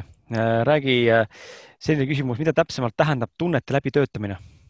tunnete läbitöötamine tähendab seda, et kõigepealt väga palju käib teraapias inimesi, kes arvavad, et nad on nii tundelised, aga lähemal vaatlusel selgub, et nad, kui ma küsin, et mis on kõige tugevam emotsioon, mis sinu sees praegu on, siis peale rahu või, või raskuse või kerguse nad ei oska midagi sõnastada. et kui me saame äh, emotsiooni ja tundega kontakti, olgu see siis äh, rahu, kurbus, valu, hirm, ärevus, pettumus, viha, siis tunnete läbitöötamine on see, et ma ütlen selle välja ja näen ära, kus see on tekkinud, miks see on tekkinud ja kui ma selle välja ütlen umbes analoogselt, nagu me siin tegime läbi mängides, eh, siis ka perekonnarollides või mingites muudes rollides seda tunnet ja seda sündmust, siis see tunne lahustub ja liigpotentsiaal ehk negatiivne energia nii-öelda kaob ära. ja siis me saame ta muuta positiivseks. ehk tunde läbitöötamine tähendab lihtsalt seda, mida me ka ennem tegime. tere, hirm. ma näen, et sa tulid eh, minu sisse minu ema kaudu. aga see ei teeni mind ma tagastan selle sinna, mille kaudu see minu sisse tuli. et selliste vabastavate lausete kaudu toimub äh, tunnete ja emotsioonide lahustamine. see on seesama asi, kui sa paned veel koju ema enda vastu istuma tooli peale ja hakkad talle ütlema kõiki tundeid välja, siis mõne hetke pärast sa võid avastada, et noh, tühjaks said, et sul ei olegi enam neid mm. -hmm. ja siis sa paned ennast ema koha peale ja ema ütleb sulle siis vastu midagi, siis hakkab toimuma progress, kus me saame ühenduse ja saame luua terviklikud ja taastatud normaalsed baastunde nagu rahu, turvatunne, armastus ja kõik muu sinna juurde. kuidas eh, aru saada endast, mis on see nii-öelda põhiprobleem, kas on olemas mingeid küsimusi, mida enda küsida võiksin mm? -hmm. mul tuleb praegu kohe, ma ei tea, miks selline lause, et trauma mitte ei olnud, vaid trauma alati on. kui rääkida inimeste põhiküsimusest, siis me räägime ikkagi traumast Eh, trauma teeb meie ajuga eh, väga huvitava eh, nii-öelda sellise liikumise. Ehk tekib kolm osa. tekib traumatiseeritud osa, ellujääv osa, mis on siis aju keskel. Ja siis on terve osa.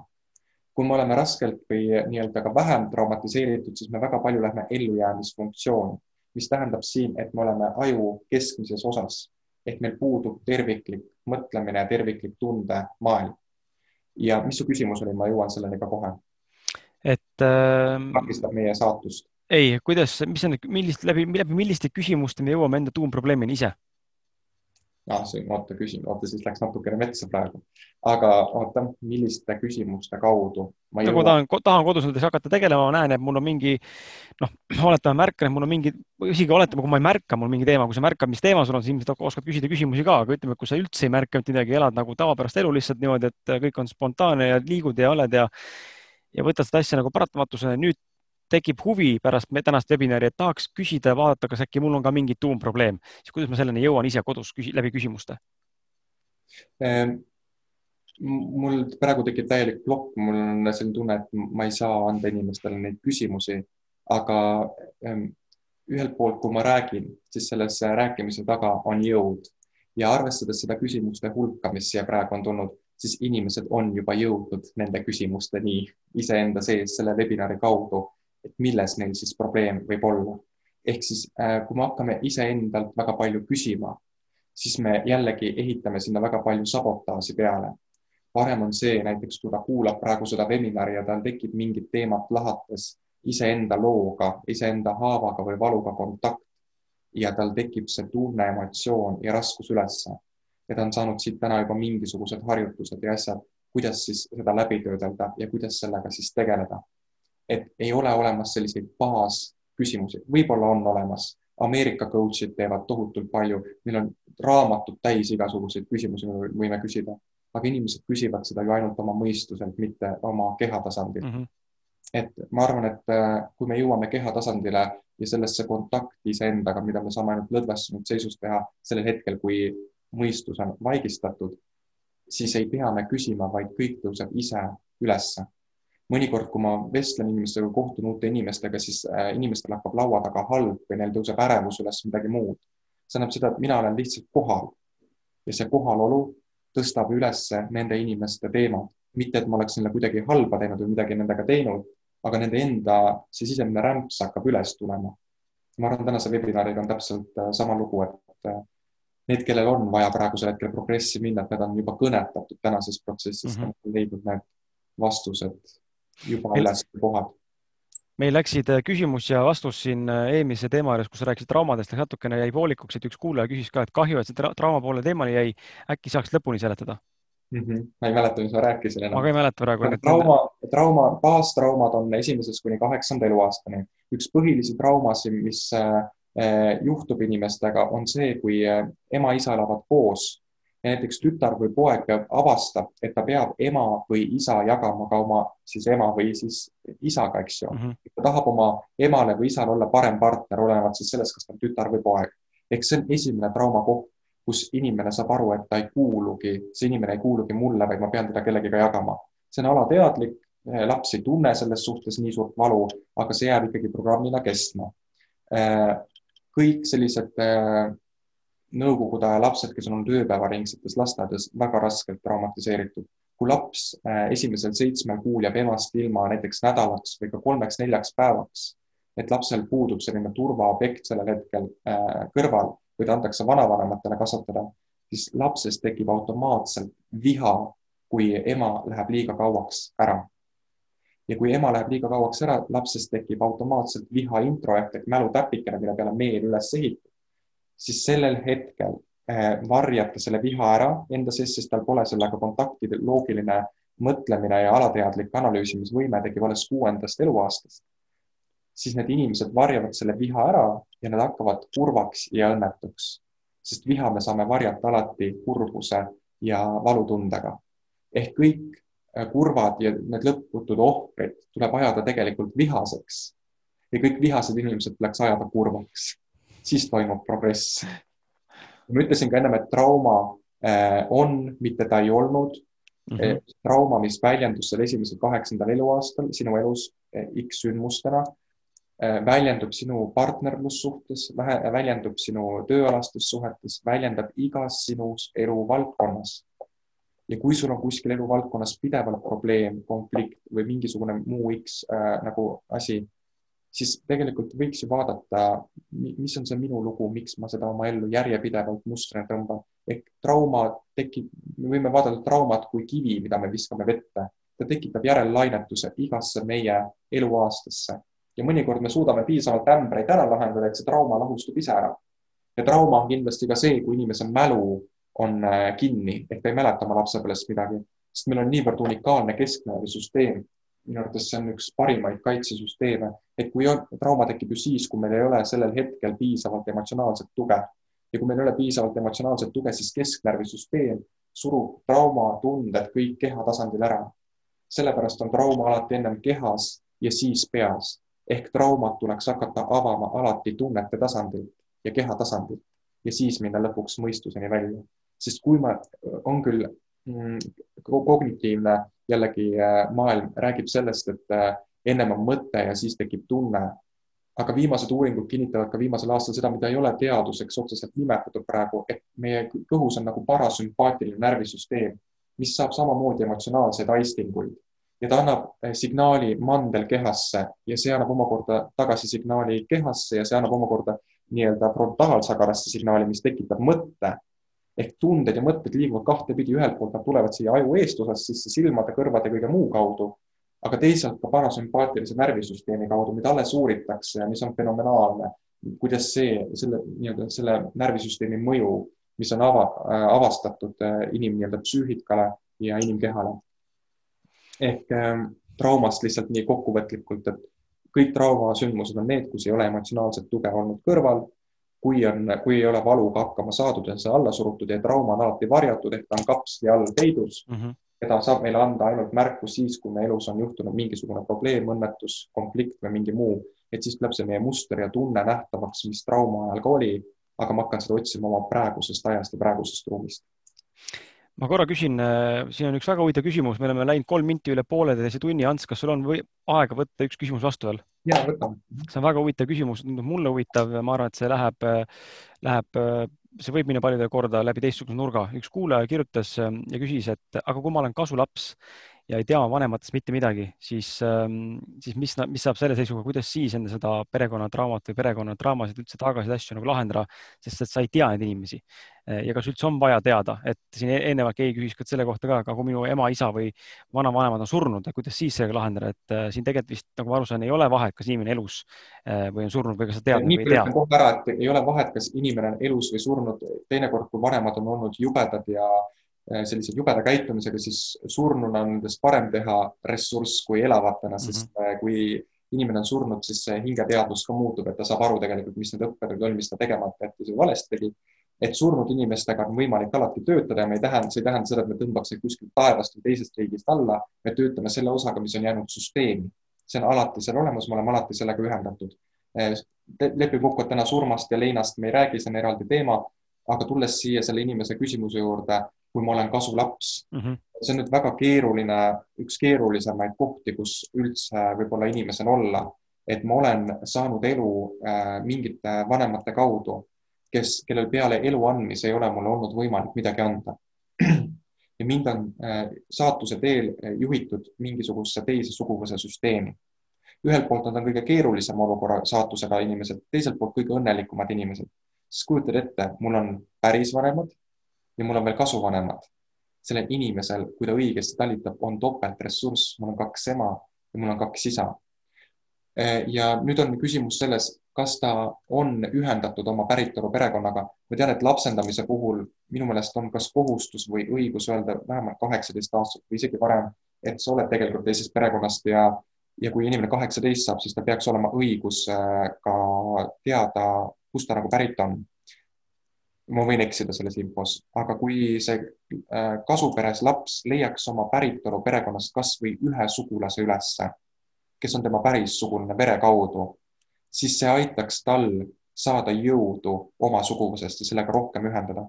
mida rohkem ta teab sugulasi oma päritolu perekonnast ja isegi kui nad on joodikud või narkomaanid, ükskõik kes, piisab sellest, kui ta teab neid ja teab nende lugu, siis ressurss alati suureneb see kehtib ka selle puhul, kui meil on oma perekond, enamus inimesi ei tea oma vanaemasid, vanaisasidki.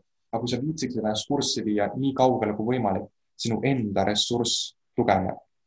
ja kui sa oled nüüd kasupere laps, siis äh, äh, paratamatult sinu meeleareng on katkenud. ehk ma ei saa väita, et sa oled täiskasvanud inimene, tegelikult sa teed paljusid otsuseid oma elus selle väikse mina põhjal, kes sai väga palju haiget ja kes eraldati oma perekonnast.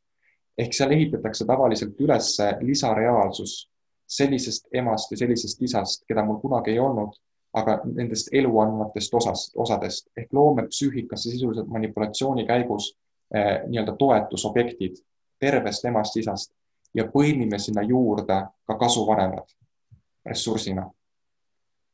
ehk siis eh, see mõte on see, et otsi üles vähemalt üks sugulane või mitu, kes on sinu päris perekonnast pärit ja ükskõik, mis sulle ka vastu ei vaata, ütle sellele jah sest kui me ütleme jah millegile südames, siis äh, see olukord saab minu jaoks olla kergem ja ma saan sealt vastu võtta ressurssi aitäh sulle, Ants, selle vastuse eest. enne kui me lõpetame, ma tahan suunata inimesi ka, kui sul tänane info, mis äh, siin webinaris oli selle pooleteise tunni jooksul meeldis, siis ole hea, palun mine vaata ausalt meeste podcast'i äh, kanalisse. vahet pole, millises podcast'i platvormis sulle endale sobiv on, siis saated nime, saated numbriga seitsekümmend kaks ja sada nelikümmend seitse. kokku on seal kuulamist üle nelja tunni, et need on saated, mis on salvestatud Antsuga, et mine, mine kuula, mine kuula järgi, saad vaadata Youtube'is on tegelikult Kris Kala all olemas ka meie eelmisel eelmine koos viibimine, mis oli meil augustikuus, kus oli sada seitsekümmend inimest saalis, on meil videona ülevas ka, üleval ka, et tasub vaadata ka videosse, on palju näha, kuidas Ants teeb seal erinevaid hüpnoose ja, ja inimestega töötab, toob näiteid ja, ja on võib-olla videot isegi parem vaadata. nii et mine kuula ja vaata neid ma teeks siinkohal ka reklaami siis, et kui kellelgi on nii-öelda soov teraapiast, kuna mul teraapiakalender on küll täis, aga, aga kui on soovi, siis kodulehe kaudu palun ärge kirjutage, kirjutage, tähendab kodulehe kaudu. Ja kui te tahate seminaride infodega kursis olla, siis hüpnotisöör Antsu Leht Facebookis ja Instagramis Ants Rootsin, seal on ka kõik tagasisided olemas, mida kliendid on jaganud, erinevad mõtted. Ja ma Instagramis üldiselt olen aktiivsem, et jagan seal selliseid päevapeale tulevaid emotsionaalseid mõtteid, nii et et kui on huvi, siis kohtume nendel saitidel teiega äh, juba võib-olla homme, võib-olla täna mina tänan sind, Ants, et sa võtsid selle poolteist tundi ja vastasid nendele küsimustele, väga huvitav kuulamine. et nad viitsisid olla ja mm -hmm. viitsisid arenguga tegeleda, sellepärast et äh, ma arvan, praegune aeg nõuab just seda, et me tuleksime sealt toimetulekumaailmast arengumaailma ja see ei pruugi olla alati lihtne ja rõõmus, aga see on alati rohkem kingitusi toov, kui lihtsalt endaga lõputult toime tulla absoluutselt. ja mina tänan ka sind, et sa oled äh, täna tulnud siia, ära vaatasid selle ja ma tänan sind eriti, eriti palju siis, kui sa tõesti oled kõik eelmised webinarid ka ära vaadanud. ja nii nagu saate alguses või seal webinari lindistuse alguses sai mainitud, siis alates homsest hakkavad nad tulema järelkuulamisse, nii et kui sa praegu ei salvestanud ise seda juhuslikult äh, ja tahad järgi kuulata või jagada, siis tea, et äh, Antsu tänane jutt tuleb järelkuulamisse, järelvaatamisse umbes nädala pärast. iga päev tuleb üks välja, need tulevad selles järjekorras, kuidas päriselt webinarid olid. Ants on meil viimane, seega tuleb ka viimasena avalikuks. nii et äh, mina tänan sind ja egas midagi. Äh, ole sina, Ants, tubli olge teie tublid ja teiega kohtume juba järgmises äh, saates. tšau. kõik head, tšau.